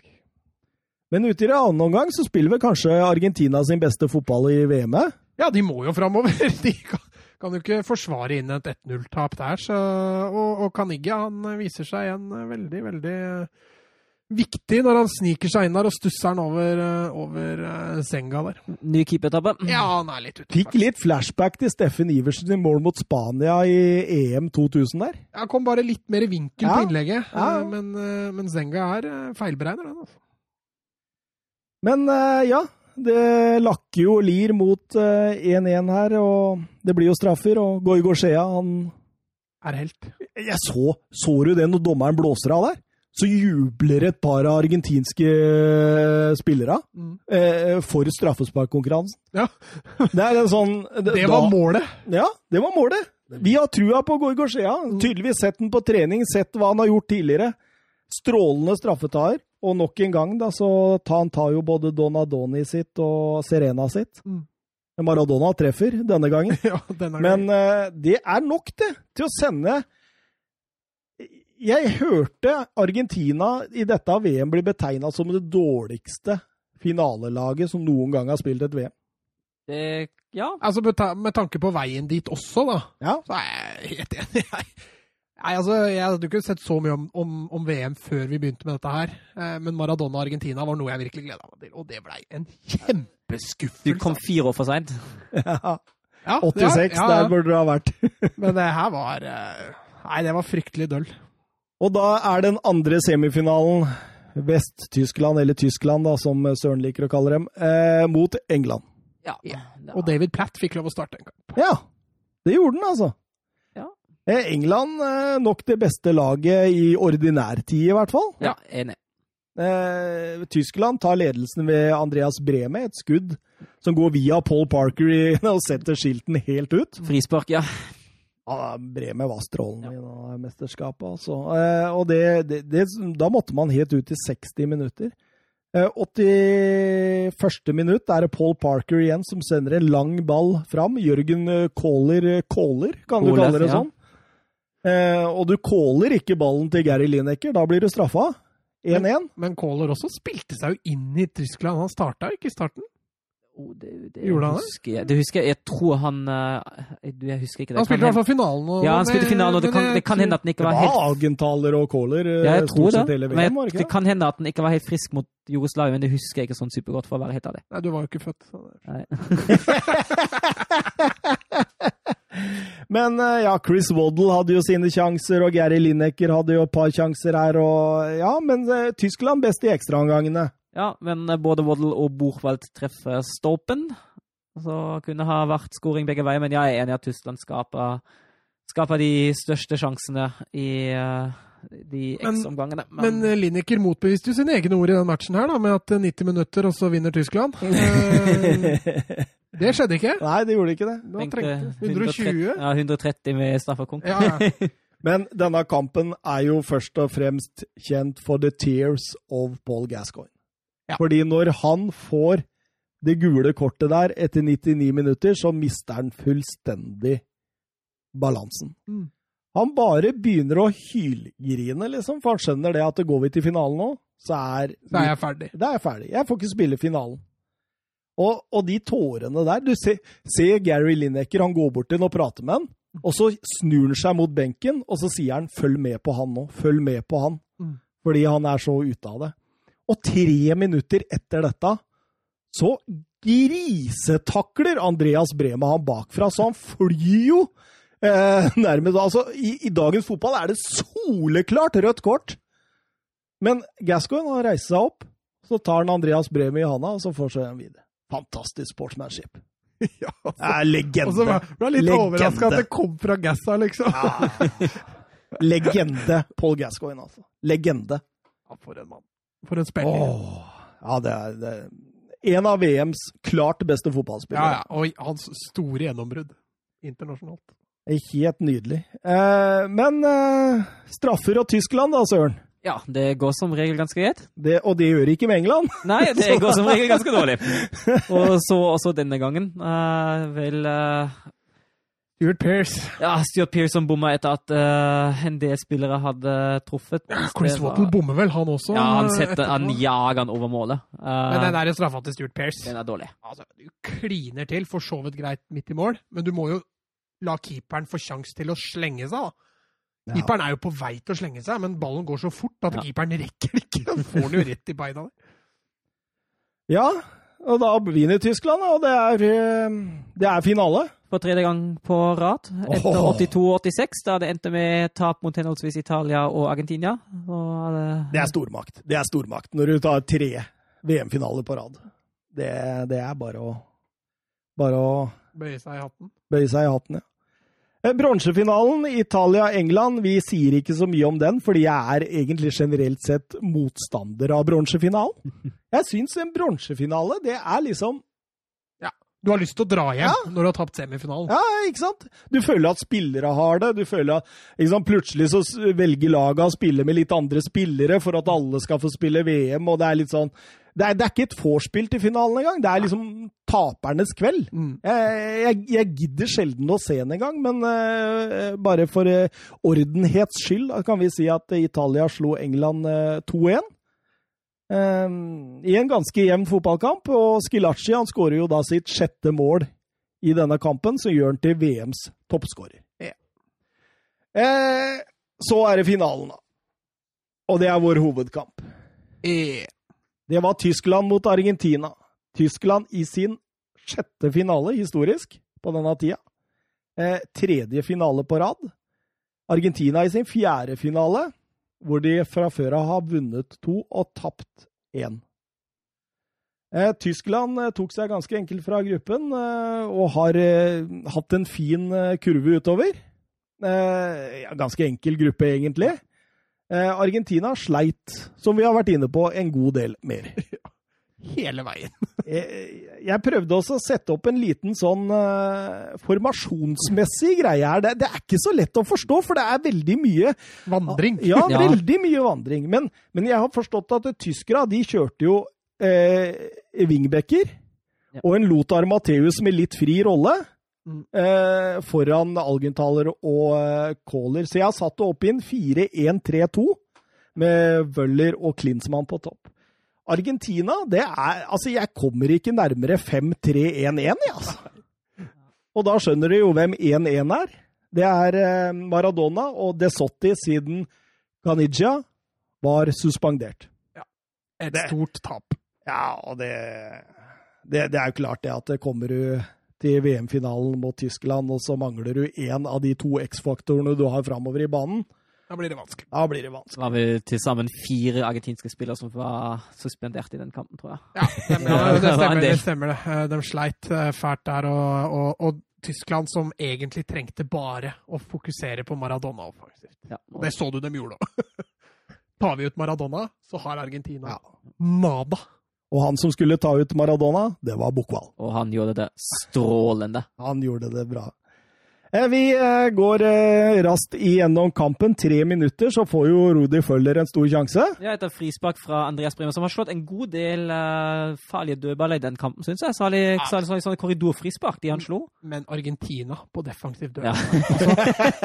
Herre min hatt, altså! Altså, det var jo sjanse hver gang. Ja, ja. Og hver gang var det to tyskere på bakerste. Helt umarkert. ja. ja. Altså, du lærte jo ikke heller, jo. Nei, det var helt uh, vanvittig, faktisk. Og når du har en flyvekeeper også, så blei det jo helt Ja, det blei kaos. Altså, det er helt utrolig at Tyskland ikke skåra. Han skåra på dødball. da, Men det er nesten større prestasjon å ikke skåre på dødball her. Altså. Jeg føler han hadde ikke helt dagen i avslutning, det kan sies. Nei, han, eh, men det er klart det er vanskelig Akkurat den du snakker om her med Thomas, som Thomas snakker nå om, da, da blir han jo liggende når han skal skyte. Jo, men han er er jo en, del- lett, men, han er eh, en del flere Men han har mange. Ja, absolutt, absolutt. Og jeg syns jo eh, Tyskland tar jo tak i det fra starten av. Og eh, Argentina får jo ingenting til. De, Nei, var jo, det de var- er jo ikke det- over. Det var litt sånn Brasil begynte. Ja. Sånn begynte Tyskland òg.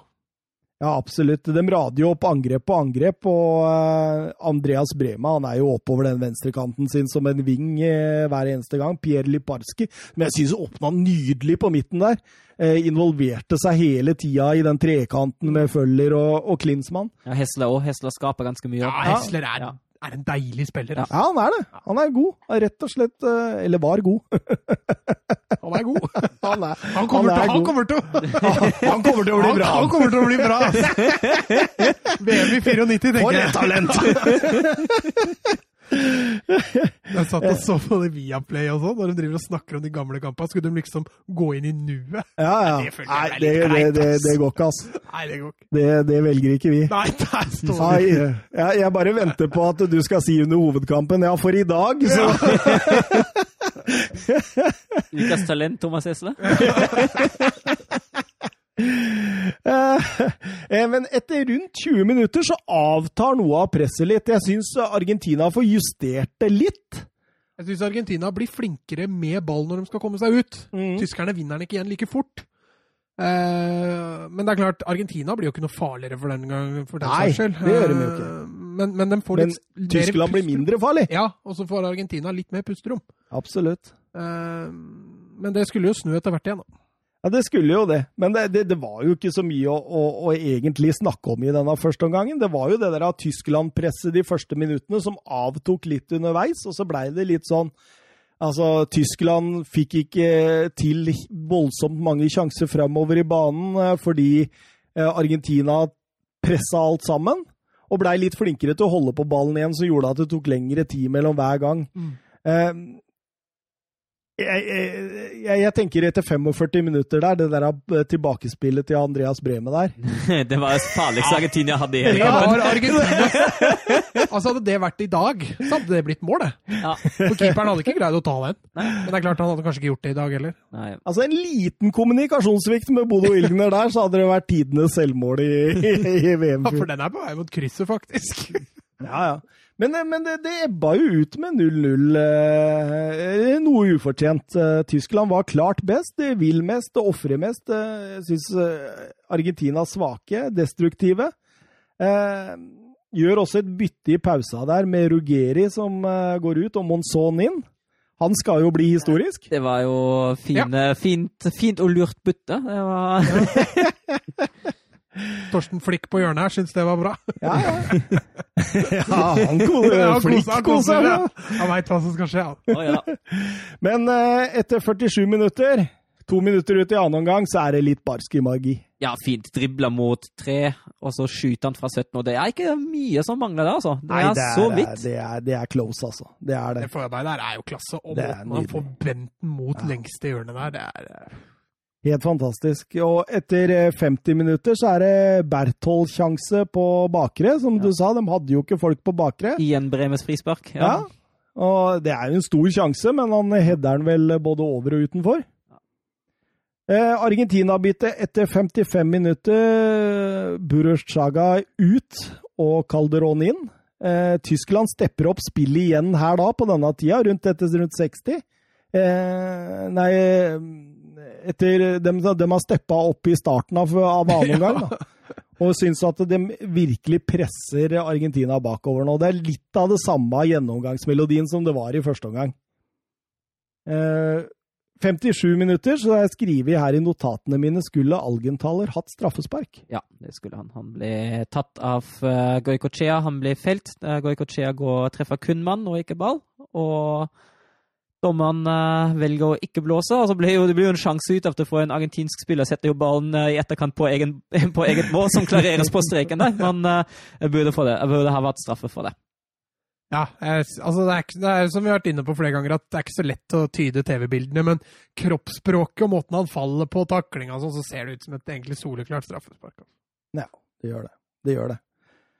Eh, to minutter etter, Andreas Bremes-skudd, Liparski som nydelig bare så vipper sånn elegant til side med litt sånn høyde på frisparket sitt, og han dundrer til på hel volley. Den går ikke langt utafor, eller den, eh, det er Var det var det, det Goicoechea som gir. hvor Argentina f flytter ut for å sette offside? Ja, ja, ja. Og så går han, til, så går han, bak, Ja, så går bakover til Bremen. Det var helt dust. Argentina, nå er vi geniale. Goicoechea får så vidt avverga til corner der. Og eh, fem minutter etter, rødt kort. Monsson, innbytteren. Eh, Historisk. har vel, ja, ta, har vel en Første i VM-finalen Ja. ever som får rødt kort. Ja, og førsteinntrykket mitt var jo at Klinsmann overspiller, for det, det gjør han jo. Han, eh, han kaster seg rundt her, og når han lander på bakken, så det ser jo ut som han brekker ryggen. Eh, men når du får faktisk se reprisen her, så ser du de strake beina og knottene i knehøyde. Og Hadde gitt rødt i dag, i hvert fall. jeg tror også at det hadde vært eh, rødt, men det er det at Klinsmann overspiller så jævlig som gjør at du blir i tvil. Da. Men, Var eh, hadde gitt rødt. Jeg tror det hadde endt opp i rødt i dag også. Jeg tror kanskje dommeren hadde gitt gult, og så hadde Ja, kanskje VAR ja. gått inn og gitt rødt. så jeg ser det litt for meg. Eh, Pedro Monzon, altså første spiller gjennom tidene som blir utvist i en VM-finale. Og Han skulle få besøk rett etterpå, men eh, etter utvisningen så er det, er det er jo bare Tyskland. Det er jo Tyskland, Tyskland, Tyskland. Argentina har jo ingenting, og tydeligvis har gått inn en sånn greie om at nå skal vi redde straffesparkkonkurranse. Nå skal Goigo Shea vinne gullet for oss. Eh, Tyskland gjør et bytte etter 74 minutter. Thomas Berthold ut og Stefan Reuter inn. Det var jo et rent sånn høyre vingbytte. ja, og så var jo Berthold kanskje den svakeste tyske spilleren i, i den VM-finalen, så det var nok helt riktig. Mm. Og så 83 minutter, Søren. Straffespark, Ja. Tyskland. Er det en uh, veldig god pasning av Matheus uh, mot uh, Rudi Føller, og så faller han i en duell med Sensini. Ja, han faller. Han faller. Eh, jeg vil ikke si at han blir felt, eh, for det er ikke helt eh, Altså, Dommeren lar seg lure, for han strekker Ja. beinet der, Ja. argentineren. Ja. men, men når du får se situasjonen bakfra, så ser det jo ut som en ja, Jeg kan ikke si filming, men uh, Ja, altså, jeg syns den er veldig billig. den er billig, altså. Og så lurer jeg på, hvis ikke det er den situasjonen med Augenthaler 20 minutter tidligere, om han Mm. blåser da det, Er en liten kompensasjon. Ja, jeg tror det. Det, det har i hvert fall i ettertiden blitt betegnet som eh, tidenes eh, største kompensasjonsavgjørelse. Og i, i summen er det jo riktig at Tyskland får et straffespark, uh, bare ikke i den situasjonen. Ja. To, to feil blir jo ikke en riktig Nei, nei, nei. Men eh, det er rettferdig, tenker jeg, så Ja. all over. Det, det syns jeg. Eh, Stussa du over at det er Andreas Bremer som tar det? Ja, det er jo egentlig Lothar Matheos som skal ta han, eh, men Matheos hadde bytta sko i pausen, og han følte seg ikke sånn 100% komfortabel med de nye skoene han hadde på seg, og da var det Andi Bremer Eller som var eh, Matheus livredd Goigo Skjea?